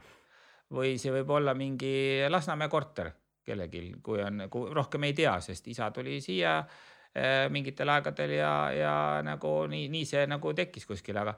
aga see on selline väga filosoofiline moment, et äh, kust ma tulen ja miks ma olen. Et külastada seda, kus see teekond nagu algas ja võimalikult kaugele, et, et see nagu on selline huvitav, üks on nagu siis nagu selline professionaalne ja teine on selline filosoofiline lähenemine, aga Sportlandi poodi võib nagu ikkagi ka e-poodi mina, mina võib-olla täiendaks seda, seda kahe, kahe aspektiga, üks on see spordi poole pealt, et, et alati on jätnud kustumatu mulje suured spordisündmused, kus on mängus nagu dead or live, eks, et, et need on a la, kus me oleme käinud, eks no ei, jalgpalli maailmameistrivõistluste finaal. finaalid või olümpial või kus tõesti see sport reaalselt laivis juhtub ja, ja soovitavad alati, kui oma fännid nagu on kohal, mitte sihuke vippide lugu, mis on ka tihtipeale äh, mida me oleme näinud, eks, aga ka tavaliste inimeste, kus tõesti need fännid, need lihtsad hispaanlased eh, elavad kaasa Partsa või eh, Reali mängule või sellisele reaalsele ehedale võistlusele suurel staadionil ja milline kooslus seal käib, et seda soovitan kõigile, see jätab alati kustumatu mulje. Ja mitte tavaline mäng, siis kui otsustav mäng on nagu, et see või otsustav mäng või võistlus või kus kõik on treeninud ja nüüd on see koht, nüüd sa näed visuaalselt, kas see on kaugushüpe, kolmikhüpe või on see jalgpall või on see võrkpall et see on alati nagu väga kihvt nagu. ja see energia, see, see fluidum, mis seal on, see, see, see ei ole energia, energia liiga kitsas sõna selle jaoks, see fluidum koos oma täiuses, mida need inimesed, mida see areen, mida need organiseerijad, mida need atleedid välja elavad, et, et see ja see on ka väiksemas võistluses, no mida suurem, seda nagu rohkem on seda, aga seda on ka nagu ma ei tea, Elva mee jooksul on seal samamoodi need lapsed koos oma lastevanematega elavad seda välja või kümnendal juunil A Le Coq Arena'l Eesti mängib Lätiga Balti karika otsustavas mängus. see, kes selle võidab, võidab Balti karika, Eesti pole võitnud seda kolmekümne üheksandast aastast saadik. et, et noh, niisugune nagu publik on taas staadionil lubatud, et, et, et selles, selles on see maagia ja mina võib-olla lõpetaks nagu rahustuse kontekstis, et minge metsa, et yeah, kas see on Kõrvemaa see, mets yeah. või on äh, minu lemmik Hiiumaa mets, et, et äh, metsas matkamine, jalutamine, sportimine, rattaga joostes, kepikõnd lihtsalt, et, et see toob inimesed nagu tagasi ja nagu Are ütles, viib paika nagu põhiväärtused yeah., et soovitan seda tänases nagu sellise stressi ja närvilises olukorras, et Eesti on ikkagi väga ilus, et et ja metsas sa tunnetad seda kõige paremini. ja inimesed ei taju seda, et enamikes riik, noh, ütleme väga paljudes riikides ei ole võimalik äh, niimoodi nipsust kümne minutiga olla metsas ja kolmekümne minutiga metsas, kus võib kohata karu, et see on, me oleme ikka unikaalses kohas ja kui ise siin elada, siis unustad selle ära mm. -hmm et, äh, et selleks tulebki võib-olla ära käia, et see on suurim põhjus, miks Eestist ära käia, on see, et siin on äh, lihtsalt nii head võimalused ja ma arvan, et see, et üks võimalus, miks Eesti praegu seda Covidit siin on nii osavalt läbinud majandusterminoloogias jälle nad toovad siin majanduskasvud ja muud asjad, aga meil on see keskkond siiski selline loodusteraapiliselt nagu väga kiiresti stabiliseerib inimest ja see on väga kiiresti võimalik, et täiesti nõus ja nüüd on aeg meie kõige viimaseks soovituseks, üks teos, mida iga inimene võiks tarbida, olgu see siis raamat, näidend, film. kunstnäitus. me, me hästi palju kasutame nagu vähemalt äh, kriitilistel olukordadel või, või olukordades, kus vajab nagu äh,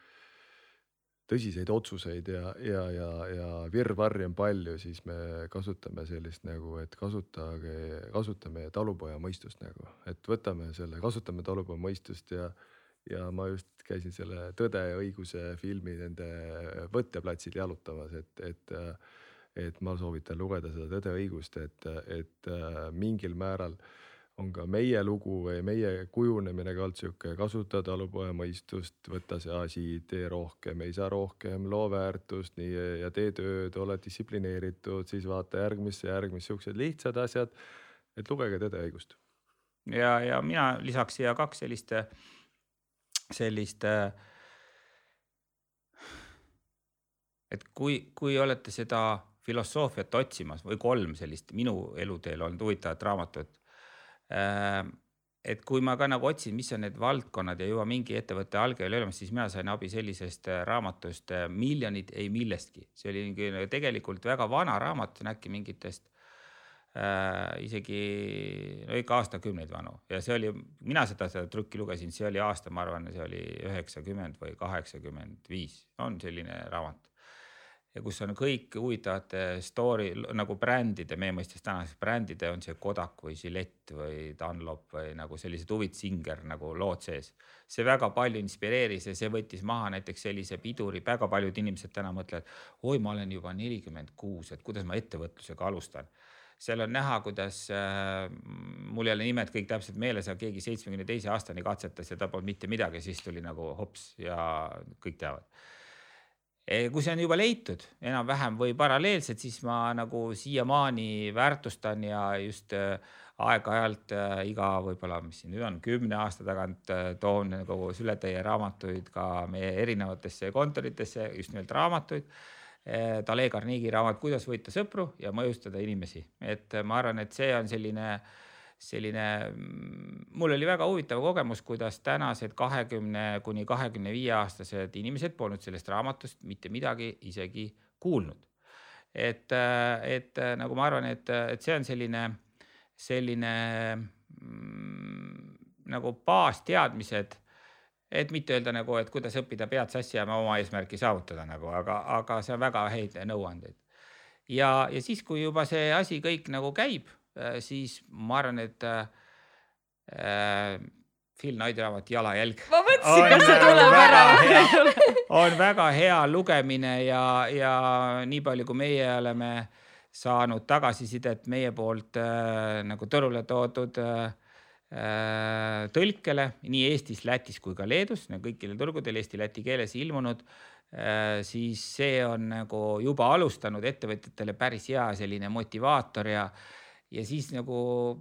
ja nagu väga hea saada tagasi, et kuule, et see Bill Bowerman ja Will Knight, et te olete nagu teie kahekesi, et see on nagu samamoodi tehtud siin. mul just äh, tütar luges äh, praegu majandus, äh, kuueteistaastasene majandusklassi jaoks seda raamatut, ütles, et kuule, ma vaatan, et see on jube sarnane sellega, mida ma oma elus nagu siin kuulnud olen, et selle viieteist aasta jooksul kord oli rahajaama, siis oli too jaama, siis oli see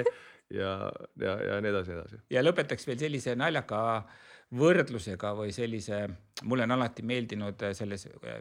nagu strateegiline planeerimine, strateegiline mõtlemine hästi pika aja peale ette ja, ja siis, kui need viljad hakkavad realiseeruma, see on nagu eriti suur nagu nauding, et see oli ka mul vist äh, üks väheseid viisi, kui ma lõpetasin selle EBS-i magistrantuuri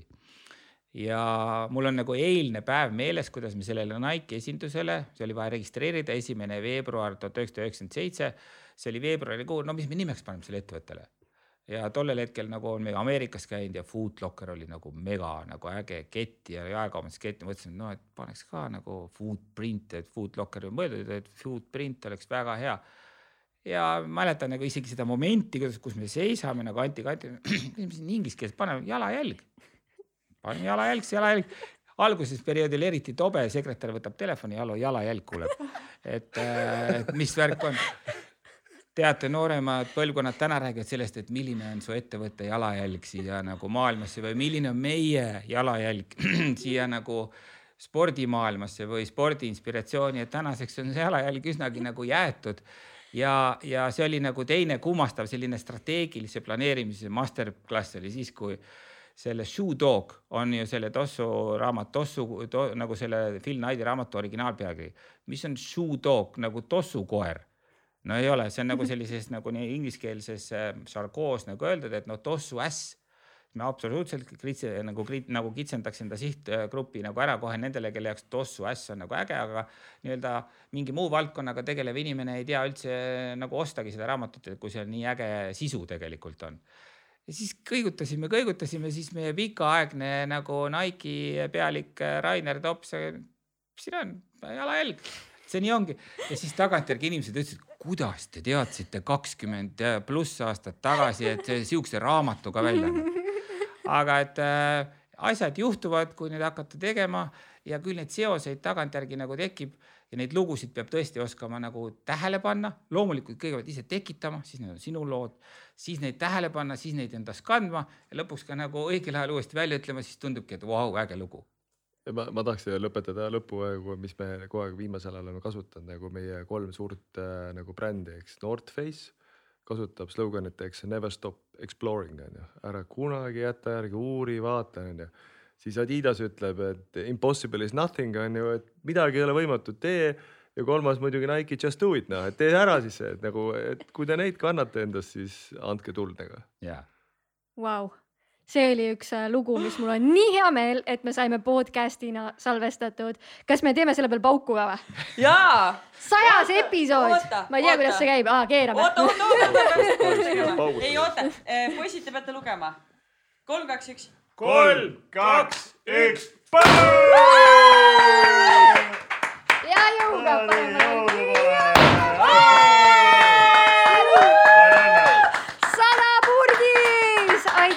Teile mehed, et te meile külla tulite, see oli väga-väga-väga äge.